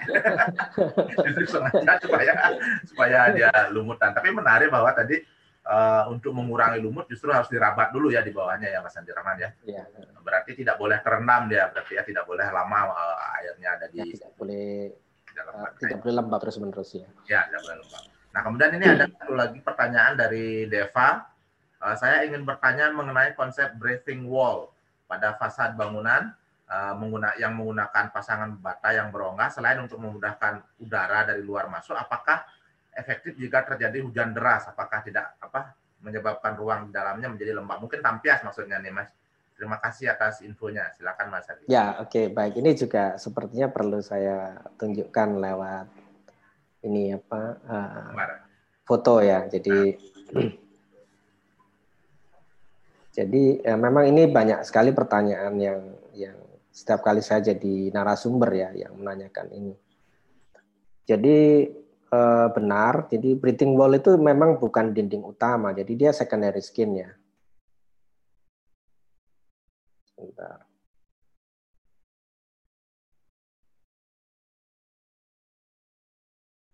Karena dia secondary skin, jadi apa? Uh, dia memang perlu celah ya seperti ini ya. Jadi uh, uh, ini ruang tampias namanya. Kalau kami tampias. Nah, ruang tampias ini yang memang dari beberapa uji coba kami yang paling efektif lebarnya 1,2 meter yang efektif. Nah, bata atau rooster itu sebenarnya punya volume. Itu yang membuat dia sebenarnya kalau nggak hujan angin dia itu tampiasnya sedikit. Tampiasnya sedikit. Kecuali hujan angin ya. Kalau hujan angin memang itu itu itu uh, horizontal ya arah airnya ya. Nah itu cara mengurangi kita itu dengan memberi ruang transisi seperti ini ya. Jadi uh, ini sebenarnya fungsional. Jadi kerikil ini itu itu bukan artifisial ya. Kerikil ini itu bawahnya itu adalah ruang drainase. Jadi di sudut-sudut ini di sepanjang jalur ini ada semacam apa getter ya, getter air ya yang yang ketika air hujan deras atau hujan angin maka dia akan air itu akan masuk ke sini memang kita biarkan masuk ke sini dan dia akan akan uh, keluar ke arah luar sini dan nanti ada talangnya ke, ke bawah gitu ya nah karena harus miring, eh, ini kan harus miring ya karena airnya biar keluar. Eh, kami menutupnya dengan batu ini. Jadi batu batunya ini bisa batu kerikil. Kalau ini memang batu kali ya karena kalian pengen seolah-olah di tepi sungai gitu ya. Jadi batu batu kali ya. Jadi kerikil ini sebenarnya untuk menutupi kemiringan uh, ruang tampias ini gitu ya supaya manis gitu supaya manis. Jadi tapi sebenarnya fungsinya adalah drainase. Jadi jadi begitu ya, tetap ada ya. Jadi jangan dibayangkan bahwa di belakang secondary skin ini langsung ruangan tidak. Kami kami membuat ruang transisi. Sehingga kalau kalau memang memang kalau melihat visual memang selalu ada pertanyaan itu ya. Ini kita bias itu ya. Tapi di belakang ini ya itu tadi ruang transisi. Semua ya, semua semua secondary skin kami kalau yang langsung berhubungan sama ruang luar itu pasti di belakangnya ada ruang tampias itu. Itu juga apa ya salah satu prinsip arsitek ya ketika dia merancang dia harus harus punya solusi terhadap terhadap masalah yang akan terjadi dari rancangannya itu. Jadi memang memang sudah harus dipikirkan sejak dari dari awal. Ya, itu itu Li Mangde. Uh, Oke, okay. terima kasih uh, Mas Ande. Jadi uh, ada jarak yang antara dinding dengan uh, lantai yang fungsional di dalamnya, ya, lantai yang digunakan untuk ya. beraktivitas gitu ya.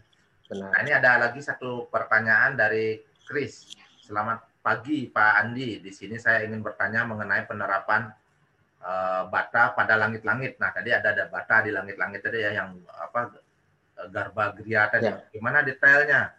apakah pertimbangannya dalam pemasangan itu karena menurut saya batas sangat riskan dipasang di bagian atas uh, karena kita berada di Indonesia yang notabene wilayahnya rawan gempa. Jadi mohon pencerahannya katanya nih Mas Andi. Silakan Mas Andi.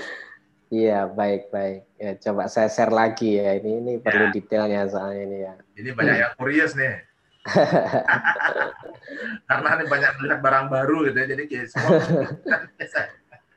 Iya, iya, betul. Memang, memang, memang uh, ada satu cerita menarik nah, tuh, dari tektonika ini. Ini, ini sebenarnya tektonika ke-13 ya. Dari 13 tektonika yang kami aplikasikan di di Omah Boto itu ini adalah tektonika terakhir yang disetujui klien gitu ya. Hmm. Kan kan saya, waduh ini uh, karena menurut saya penting itu ya penting karena konsep tadi ya konsep go garbo tadi itu saya memang uh, apa berusaha meyakinkan, meyakinkan klien bahwa uh, plafon bata ini penting gitu loh karena konsepnya itu gitu tapi klien itu ternyata kenapa kok dia itu tidak mau itu ternyata alasannya begini mas kira-kira kalau saya sholat kejatuhan satu bata itu kan lumayan Jadi ternyata yang dikhawatirkan ya sama seperti penanya ini tadi gitu ya. Jadi wah itu apa nggak jatuh ya itu ya. Jadi uh, akhirnya dari jawaban itu kami saya mencoba menyampaikan Pak uh, izinkan saya membuat mock-up-nya. Jadi nanti Bapak lihat ya bagaimana kami membuat mock-up-nya itu. Nanti kalau Bapak memang masih ragu-ragu, nggak apa-apa, nggak jadi nggak apa-apa gitu. Nah, kami sama tukang-tukang kita gitu ya, kita membuat membuat mockupnya ini gitu ya. Jadi kita membuat mockupnya bahwa besi apa bata itu sebenarnya kita kita jahit ya. Ini ini ada ada ada besinya ya, besi besi 10 ya. Jadi dijahit jadi bata itu dibor, lalu dijahit. Uh, setelah dijahit satu-satu gitu, dicepit sama besi plat strip. Jadi jadi dia punya dua sistem pengaman ya. Yang pertama adalah di, di besi ya besi besi besi bulat, yang kedua adalah dijepit besi plat strip. Dan uh, tukang kita juga mendemonstrasikan ya ketika uh, waktu membuat mock up dilihat klien saya besi-besi ini digandoli gitu ya, dibuat dibuat olahraga gitu ya, dan tidak apa-apa gitu ya, aman. Sehingga klien saya, oh kalau begitu nggak apa-apa mas, monggo silakan dilanjut gitu. Jadi uh, sebenarnya saya punya misi ya, kenapa saya uh, cukup uh, ngotot ya untuk merealisasikan ini gitu ya, karena saya ingin menunjukkan bahwa tukang kita itu punya kemampuan ya. Ini ini yang memikirkan tukang kita loh, bukan bukan kita ya. Jadi kita itu hanya prinsip saja, tapi yang menguji coba, yang meriset itu mereka sendiri, tukang kita. Mereka itu yang memikirkan cara membuatnya itu. Ya, itu yang yang selalu saya membuat apa ya, sering kali uh, terkesima lah sama kemampuan tukang-tukang kita ya. Karena banyak sekali detail-detail yang kami buat yang yang yang susah-susah ya menurut kita, tapi di, di buat mereka itu sesuatu yang tidak susah gitu ya.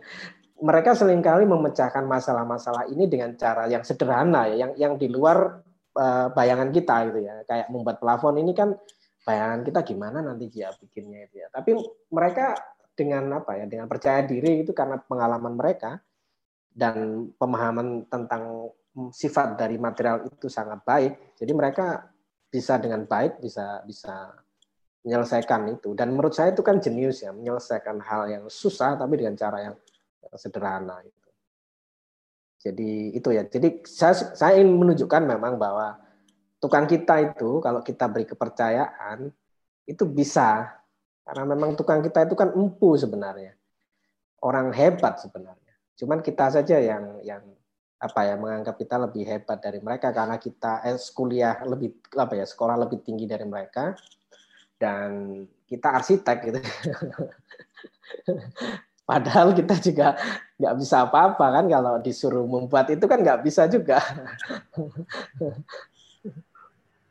Nah, berarti ini sebetulnya apa langit-langit eh, langit-langit bata ini sebetulnya adalah perwujudan dari segitiga tadi ya bahwa arsitek klien dan tukang itu harus memiliki pemahaman yang sama ya.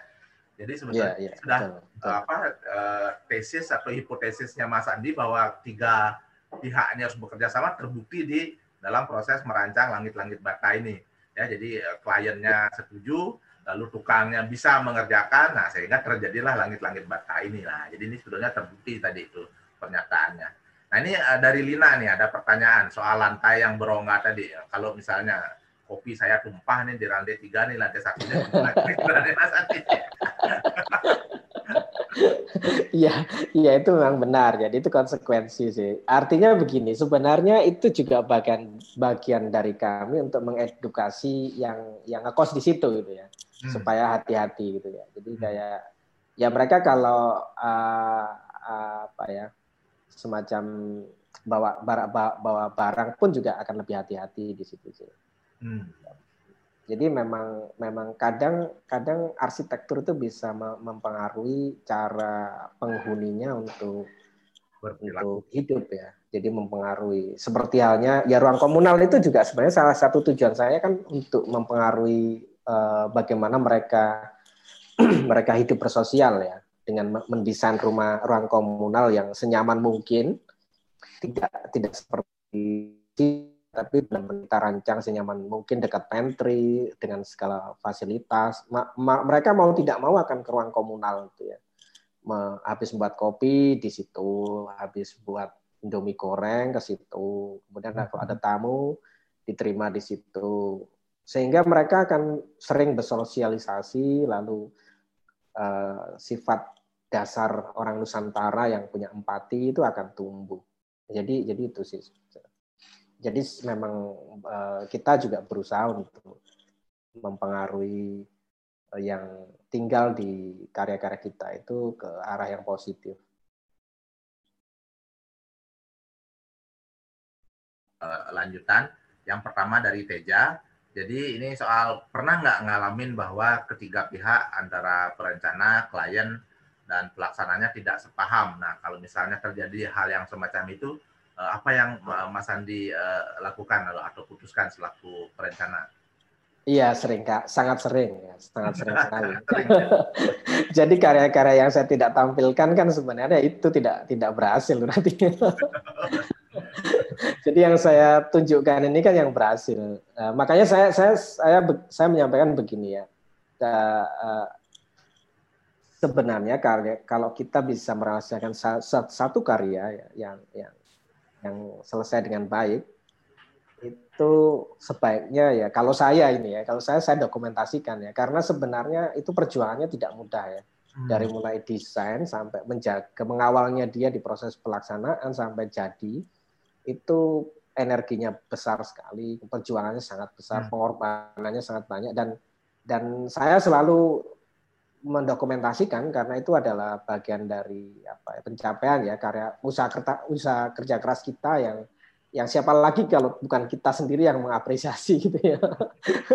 Makanya saya kan selalu karya saya yang ter, terbangun itu kan saya dokumentasikan yang sesuai dengan desain saya yang yang tadi ya prinsip yang kliennya uh, oke, okay, hmm. pelaksananya oke okay, tadi ya, ya, menghasilkan karya yang baik tadi itu selalu saya dokumentasikan karena karena memang perjuangannya tidak mudah. Ya, ya seperti contohnya Andra Martin ya, proyeknya ada 800 ya, karya yang terbangun sesuai yang diharapkan cuma 49. sisanya itu kan berarti kan sisanya tidak berhasil kan.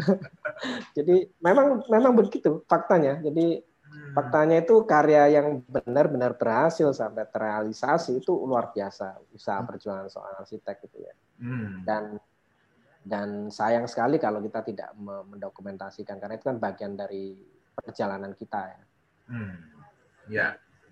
Ya oke jadi ada juga ya karya yang uh, uh, tidak berhasil ya dan uh, itu menjadi risiko dari pekerjaan sebagai arsitek ya Mas Andi ya. Iya. Nah jadi dan yang saya kagumi adalah Mas Andi ini adalah orang yang uh, tidak berhenti uh, kalau misalnya ada yang tidak berhasil gitu ya. Nah ini ada pertanyaan mengenai breathing wall tadi. Uh, apakah ada jenis bata khusus yang dipilih untuk menjadi bahan dari breathing wall itu? Karena kan takutnya nanti katanya kalau dipakai dalam jangka waktu yang lama bisa retak misalnya, Mas Andi. Ya, ini juga apa ya pertanyaan yang sering kali ditujukan ke saya ketika jadi narasumber. Cuman, cuman saya yang yang yang yang jawaban saya selalu begini. Uh, Candi itu sudah membuktikan ya bata itu bisa melampaui waktu ya karena candi itu kan ya kalau di tempat saya di Jawa Timur ya itu kan dibangun abad 14 berarti kan sudah 700 tahun lebih gitu ya. Jadi di bat, bat, bata banyak yang menyaksikan lebih kuat dari batu tapi waktu sudah menjawab dan buktikan itu ya bata itu eh, selama dia proses pembakarannya pas tanah komposisi tanahnya pas dia material yang yang timeless juga karena memang kalau kita kita uh, ya ini ya secara berkala kan meneliti juga di di Trawulan itu kan ya bata-bata yang memang candinya dipugar tapi sebagian besar masih bata asli. Dan bata asli itu kita memang sangat-sangat apa ya luar biasa lah itu. Batanya itu uh, dari kualitasnya itu memang sangat bagus gitu ya. Dan dan itu itu yang coba kami buktikan sih. Makanya di proyek-proyek kami batanya itu tidak pernah kita coating. Jadi ya kita biarkan ya biarkan saja apa adanya. Karena candi itu kan memang begitu kan tidak di coating juga. Karena ya memang sifatnya memang memang begitu. Oke, ini ada ada ini nih pertanyaan nih dari Sumatera nih dari Jo Adianto. Mau main bambu nggak nanti kalau misalnya batanya udah bosan lah katakan gitu ya. Ini kan Mas Andi ini boleh dibilang bata ini mainannya nanti misalnya ke depan mau nggak main bambu atau kayu? Ya, memang betul ya. Bata ini sebenarnya langkah awal. Jadi apa ya? Uh, uh, dalam proses berpraktek saya, ketika saya me, mendalami craftsmanship dan mengeksplorasi material lokal, itu kan saya tidak berusaha memaksakan diri. Jadi saya berusaha menyesuaikan dengan kemampuan tukang saya gitu ya. Tukang saya bisanya bata bata merah ya saya saya mulai dari situ bisa bata ringan, saya mulai dari situ. Tapi benar sekali yang disampaikan Mas Jo bahwa sebenarnya visi ke depan saya itu ya ya akan mengeksplorasi Nusantara Sudah kita coba praktekkan tapi masih apa ya belum ada yang benar-benar berhasil ya. Jadi memang perlu waktu sih. Jadi kita kita tapi pelan-pelan secara konsisten itu proyek-proyek yang baru kita ya kita memakai bambu, memakai kayu gitu ya. Tapi secara gradual ya. Kayak Oma Boto kan kita memakai. Jadi kita mendekati pengrajin bambu itu dari dipacet itu dengan hal yang yang mereka bisa gitu ya kayak anyaman bikin anyaman tapi setelah itu kita coba tantang kan lebih susah lagi pak gimana kalau kita bikin bangunan dari bambu gitu ya dengan begini-begini. Kita juga beli banyak sekali buku tentang bambu, tapi tapi ya belum belum belum belum berkesempatan ya merealisasikan. Gitu ya. Tapi betul sekali yang disampaikan Mas Ju, sebenarnya Bata ini baru langkah awal kami untuk untuk apa ya mengkinikan aspek Nusantara. Mungkin belum belum bermain-main dengan kayu dan bambu karena belum ketemu apa tukang yang pas tadi ya sama klien yang pas. Kan harus segitiga tuh. Ada ya, ada tukang ada klien. Nah, tukang sama klien yang belum ketemu nih mungkin ya. meskipun keinginan dari sudah mengarah ke situ ya, ya betul. nah betul ya, sekali memang ya ada pertanyaan lagi nih nah ini banyak sekali yang tertarik dengan briefing wall nih uh, Mas Andi nih uh, bagaimana mengatasi nyamuk atau serangga nah urusan briefing wall ini uh, ada nggak uh, solusi secara arsitektural untuk mengatasi hal ini? Secara solusi secara arsitektural, arsitektural ada ya pakai kasa nyamuk di bagian belakangnya hmm. itu kan bisa. Jadi pakai sistem tapi uh, biasanya kami lakukan kalau memang kliennya memang minta ya, Mas saya nggak mau ada nyamuk ya bisa. Jadi kita biasanya mendesain rooster itu hmm. uh, apa ya sudah kita kita pikirkan bagaimana kasa nyamuknya nanti dipasang sehingga tidak kelihatan. Jadi bisa by design sejak awal bisa. Atau kalau memang sudah terpasang baru mereka waduh Mas saya pengen uh, tidak ada nyamuk itu bisa kita bikin di bagian belakang kita pakai sistem knockdown ya dengan modul yang kita sesuaikan dengan roosternya sehingga tetap tetap nggak akan kelihatan tetap bagus gitu. Hmm. Itu itu kalau kalau kalau takut sama nyamuk dan memang harus ya diselesaikan. Tapi sebenarnya kalau kalau yang kami kami apa ya arsitektur yang kami kembangkan itu sebenarnya uh, it, uh, apa ya kita ini kan uh, Nusantara ya dan saya juga be, berpijak pada arsitektur Nusantara gitu ya. Uh, arsitektur Nusantara itu kan uh, bersinergi dengan alam prinsipnya. Jadi prinsipnya itu kita hidup itu bersama alam jadi bukan bukan mengisolasi diri dari alam. Jadi alam itu bagian dari kehidupan kita. Jadi pohon di dalam rumah, pohon di halaman, apa serangga, nyamuk, itu itu bagian dari hidup kehidupan kita dan dan dan tidak usah khawatir, tidak usah takut ya, karena kan kita ini ya memang hidup bersama alam gitu ya. Karena kalau kita mengisolasi diri dari alam, ya berarti kan kita kaca rumah itu, kita tutup kaca, apa ya, hmm. uh, solid gitu ya. Yang itu sebenarnya sangat tidak sesuai dengan uh, apa ya, kaidah Nusantara ya yang yang yang punya iklim beda dengan iklim barat ya atau iklim iklim subtropis ya. Kita ini kan tropis. Jadi arsitekturnya kan uh, hidup bersama alam bukan yang arsitektur lindungan ya. Kita tidak pernah punya suhu ekstrim soalnya. jadi begitu. Jadi sebenarnya lebih pada mindset kita sebenarnya, mindset kita. Jadi ya ya ya memang arsitektur Nusantara atau orang Nusantara ya hidupnya bersama alam. Jadi jangan takut kalau ada serangga, ada bahkan debu itu bagian dari kehidupan memang. Oke, ini ada uh, banyak nih pertanyaan yang lumayan panjang-panjang nih berikutnya nih. Uh, yang pertama dari Pak Nuri, bagaimana mengawali kerja komunal? Nah, ini kan kerjaannya kan kerjaan komunal semua, terutama dalam mensinergikan semua pihak. Bagaimana proses pengambilan keputusannya? Uh, karena uh, beliau melihat bahwa karyanya Mas Andi ini memperlakukan batu seperti kayu. Nah, mohon ya. penjelasannya. Iya, iya, iya. Memang memang uh, saya rasa pentingnya pentingnya kerja komunal itu ada pada ini ya eh, bagaimana kita memberi kepercayaan dan penghargaan terhadap para tukang kita sebenarnya. Karena karena memang tukang kita itu adalah komponen yang penting. Kalau tidak ada mereka ya tidak akan pernah terlahir karya sebuah karya gitu kan. Nah eh, sebenarnya kalau kita kembali pada sejarah ketukangan ya di Nusantara ya. Kalau di Bali kan undagi gitu ya. Ada kalau di Jawa ada kalang gitu ya.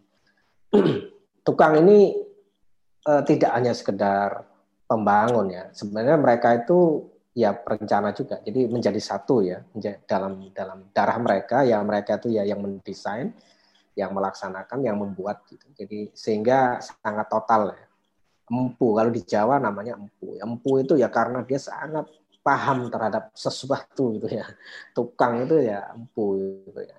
Sehingga eh, apa ya? Kita itu karena di di zaman modern ini kan sistem pendidikan kita itu mem, mem, membuat dikotomi yang kuat ya antara antara arsitek, pelaksana gitu ya. Antara arsitek dan tukang gitu ya. Yang yang seolah-olah semua itu terlepas-lepas gitu ya arsitek tugasnya mendesain, memikirkan desain. Gitu ya. Eh, tukang atau pelaksana membangunnya, membuatnya. Gitu. Tapi kerjanya tidak bersama.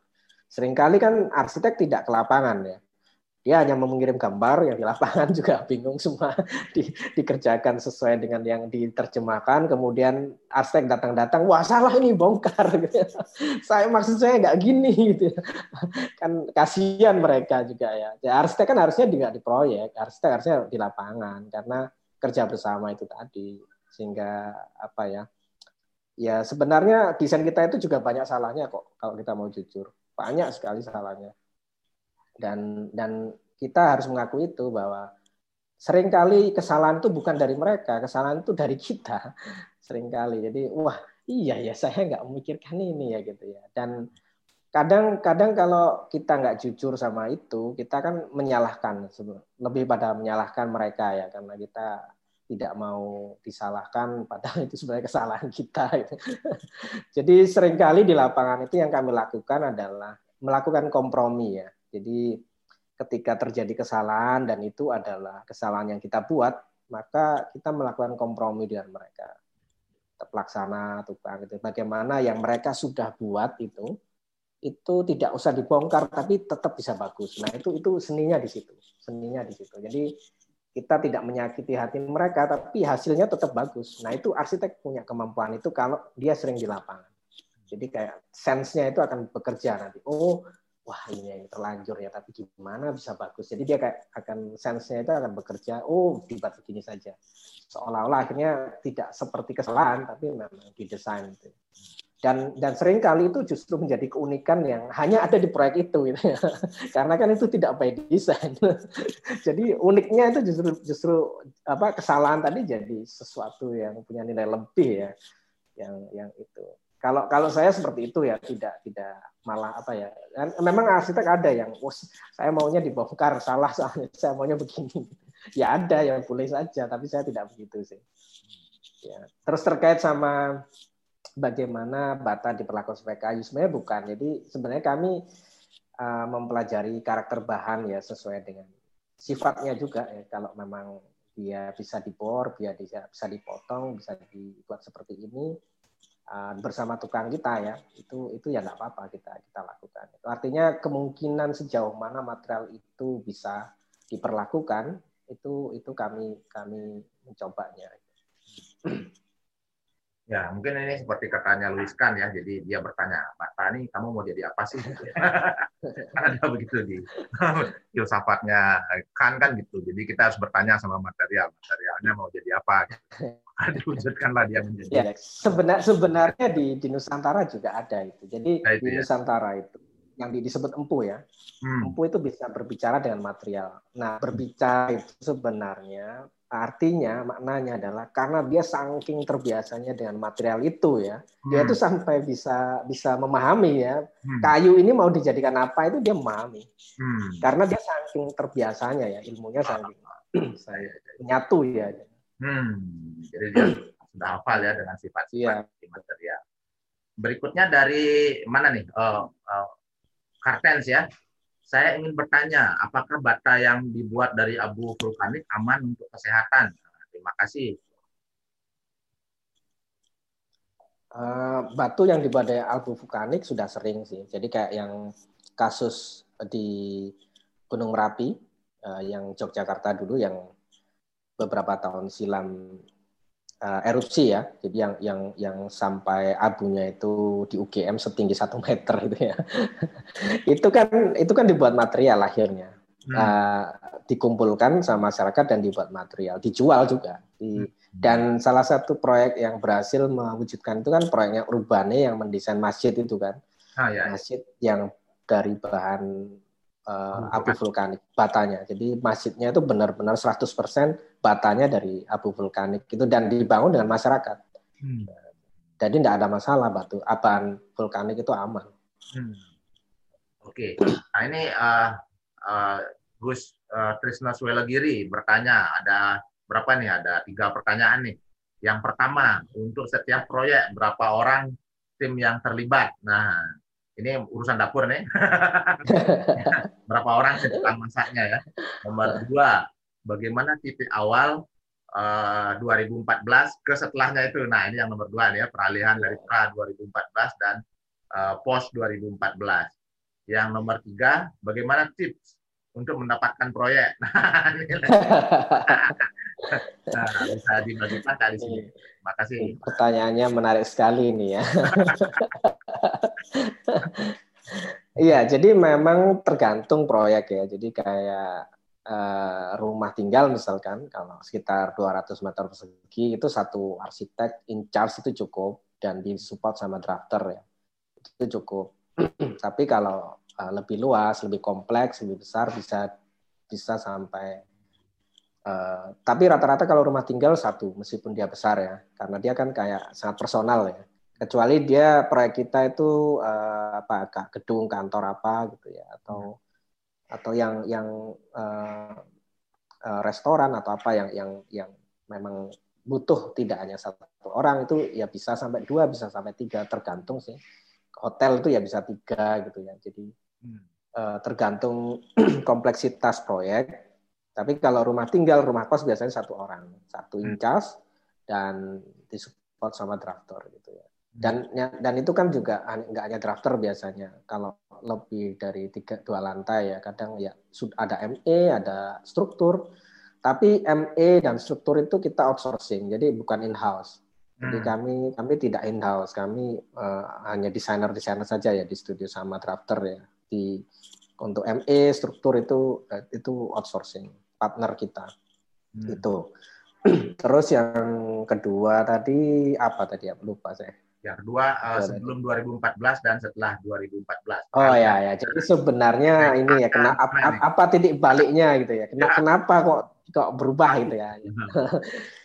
Jadi memang memang begini. Jadi saya, saya rasa ini ini lumrah wajar ya. Jadi kalau 10 tahun pertama itu kan kita masih sibuk untuk survive ya. Hmm. Kita sibuk untuk bertahan, cari makan lah istilahnya. Hmm. Jadi tidak di, belum tidak tidak sempat untuk berpikir lebih jauh gitu ya. Tidak sempat untuk berpikir idealisme gitu ya. Jadi 10 tahun pertama lebih pada per, pergulatan itu ya, perjuangan itu sehingga uh, arsitektur kita itu ya yang saya tampilkan tadi itu lebih pada mengikuti pasar gitu ya, mengikut tren, kemudian apa uh, tidak tidak ada jiwa nusantaranya ya arsitektur nusantara tidak ada tidak ada misi yang yang kuat gitu ya. Ya jadi lebih ke minimalis gitu ya dan dan western minded gitu ya. Jadi nah nah di 10 tahun jadi ketika 2013 itu di 2013 akhir itu saya mengalami sebuah kegelisahan ya. Jadi kayak masa sih apa ya eh, dari profesi saya itu ya tidak ada sumbang sih ya ke, ke masyarakat ke dunia arsitektur Indonesia kayak gitu.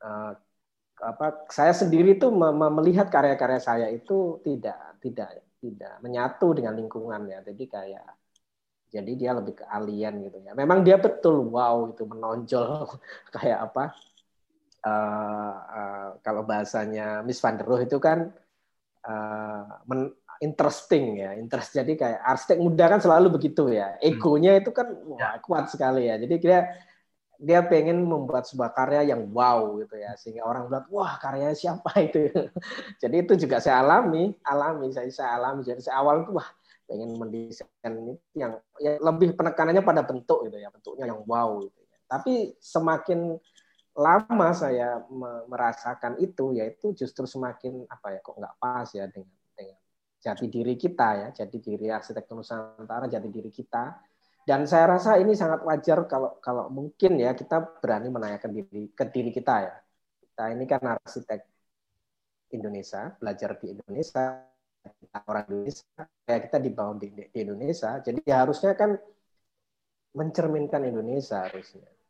Hmm. Harusnya kan uh, kita ini orang Indonesia gitu ya. Kan kita harus bangga menjadi orang Indonesia kan bukan kita meniru orang luar kan, meniru budaya luar, meniru orang luar, menjadi orang lain kan tidak, tapi ya jadilah dengan kita sendiri. Hmm.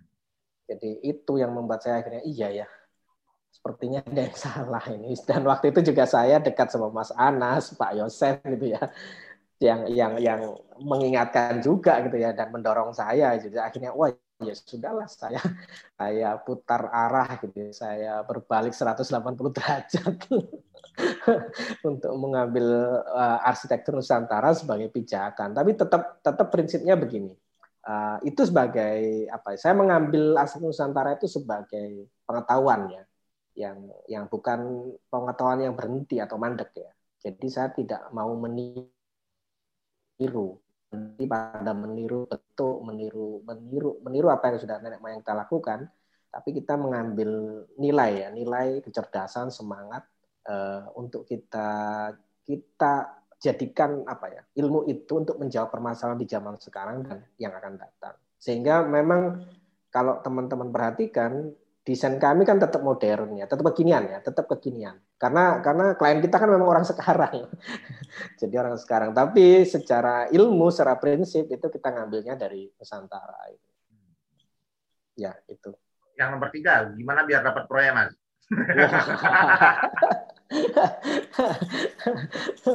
ini menarik sekali nih ya. Jadi ini tidak diajarkan soalnya di dunia kampus ya ini juga kritik ya, kritik saya buat dunia pendidikan ya. Karena dunia pendidikan itu memang tidak pernah mengajari kita untuk mencari proyek, mendapatkan proyek, atau minimal bagaimana kita memperkenalkan kita sebagai arsitek ke masyarakat. Padahal kan kita setelah jadi setelah lulus kan harus berjuang kan, harus harus entah itu bekerja atau kalau punya cita-cita bikin studio sendiri kan itu kan perlu ilmu sebenarnya, perlu perlu ya perlulah dibekali lah jadi, tapi kan hampir seluruh semua perguruan tinggi kan tidak pernah sama sekali me, me, menyinggung itu, sehingga kita itu sebenarnya yang saya rasakan dulu ya, keluar dari kampus, keluar setelah setelah lulus itu seperti dilepas di hutan belantara itu ya. Hmm. Kayak ini mau ngapain saya ini ya? ini, ini gimana cari proyek ini ya? Kok saya nggak diajari? saya diajari hanya mendesain, tapi gimana kalau saya tidak dapat proyek apa yang saya desain gitu ya? jadi itu, jadi tidak diajari itu. Nah, nah menurut saya itu harusnya tetaplah dibekali lah. Dunia kampus harus membekali itu ya. Bagaimana? Ya bisa caranya bisa dengan ya mengundang praktisi atau studi biro ya bagaimana berbagi tentang itu kan kan hmm. juga bisa hmm. artinya nggak harus uh, kurikulum dari kampus, tapi mengundang dari studio ya untuk berbagi itu. Gitu. Nah, yang kami lakukan adalah waktu itu memang eh, karena apa ya?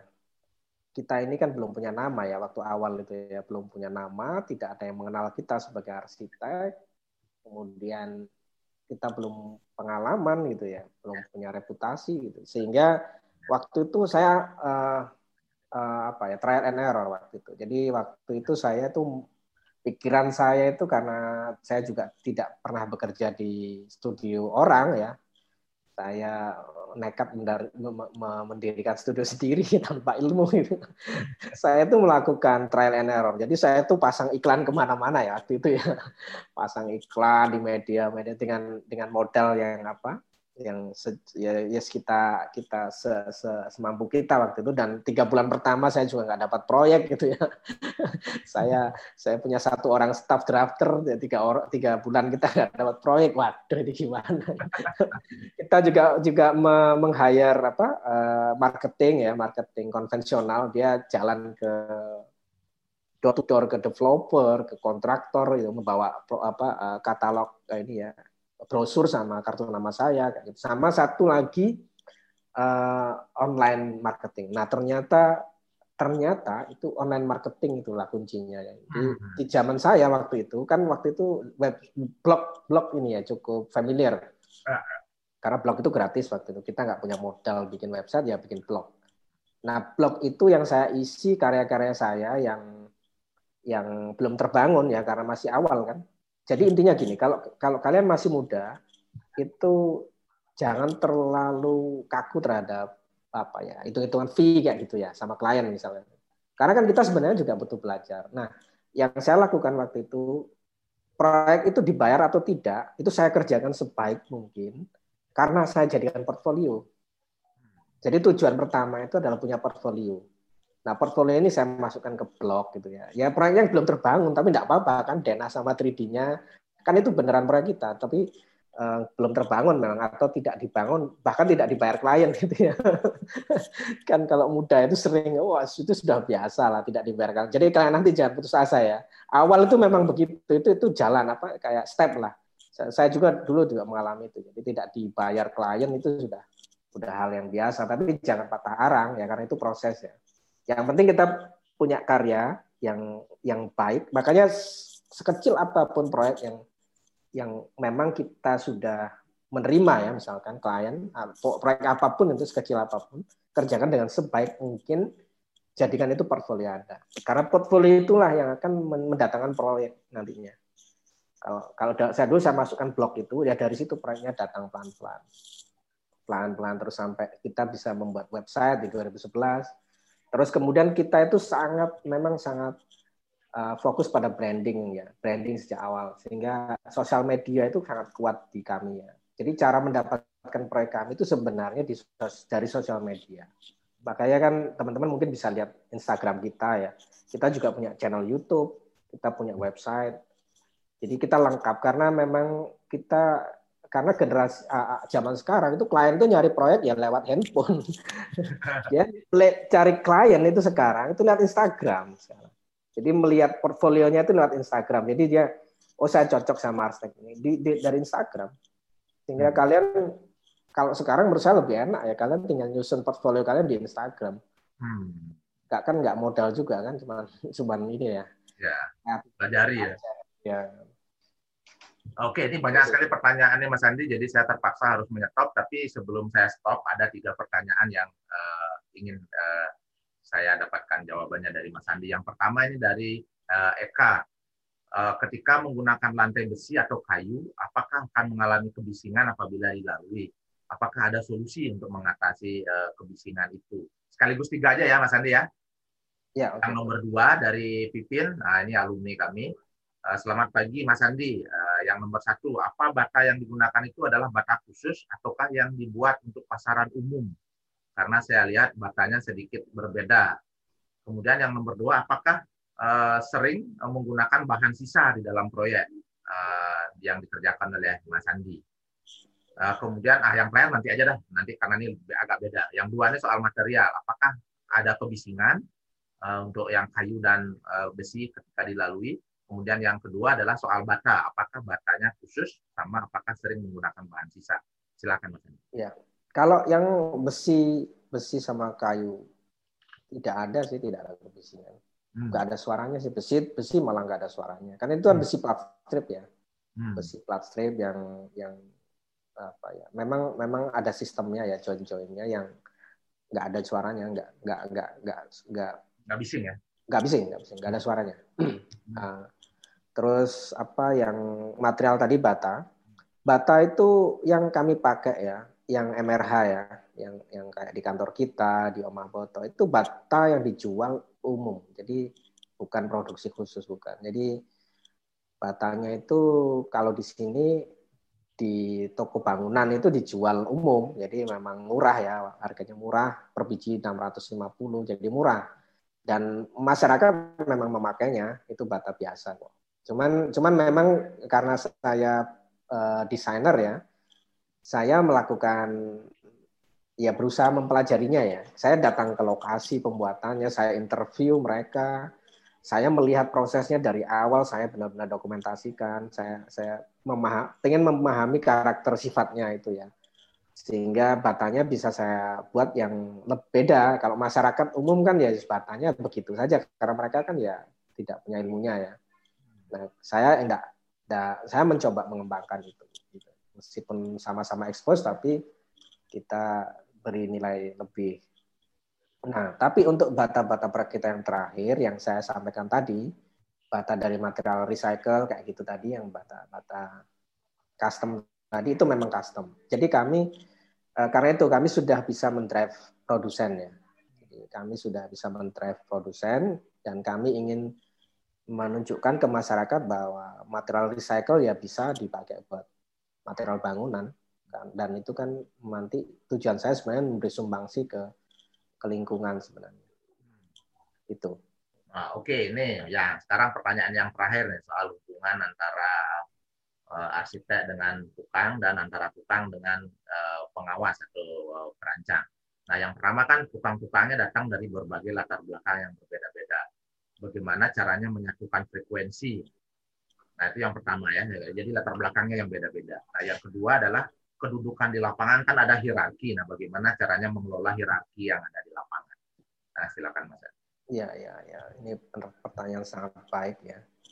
Ya, benar. Jadi eh, kita punya dua sistem ya. Yang pertama itu khusus untuk proyek kita yang di Jawa Timur ya, jadi Sidoarjo sama Surabaya, kita itu memang punya tim yang yang kita didik ya. Jadi sudah mungkin sudah 10 tahun ya sama kita ya. Jadi yang yang akhirnya jadi um, ya ritme kita jadi jadi ini ya apa ya kompak ya. Jadi karena kita lama ya. Ya Pak Narto timnya Pak Narto tadi ya. Pak Hasan sebenarnya. Tapi itu kepalanya Pak Hasan namanya. Pak Hasan ini uh, apa ya pimpinan mereka ya Pak Hasan itu kenal saya waktu pertama kali masih masih masih sebagai seorang pemborong. Itu 10 hmm. tahun yang lalu. Pemborong. Jadi dan dan Pak Hasan ini memang dari kuli. Ya dari kuli kemudian belajar jadi tukang kemudian belajar jadi mandor gitu ya. Jadi benar-benar alamiah gitu ya. Dan kenal saya waktu itu masih mandor. Tapi yang saya suka Pak Hasan ini kan orangnya jujur dan dia apa ya punya semangat belajar. Nah ini yang paling penting. Jadi kalau saran saya ke teman-teman kalau mau kerjanya tidak terlalu berat itu bangunlah tim. Hmm. dan dan membangun tim ini jangan jangan cari yang sudah settle. Jangan cari yang yang sudah punya nama dan kerjaannya bagus. Jangan. Karena kalian masih muda. Itu seperti yang saya alami dulu. gitu. Dan saya dulu membayangkan wah ini kalau saya pakai kontraktornya Andra Martin ini pasti enak itu ya karena sudah ahli gitu ya sudah pengalaman tidak tidak ternyata tidak seperti itu jadi kalau kontraktor yang sudah punya nama, kerjaannya bagus dan dia sudah punya pengalaman, melihat kita yang masih muda, ya belum punya pengalaman, dia pasti underestimate.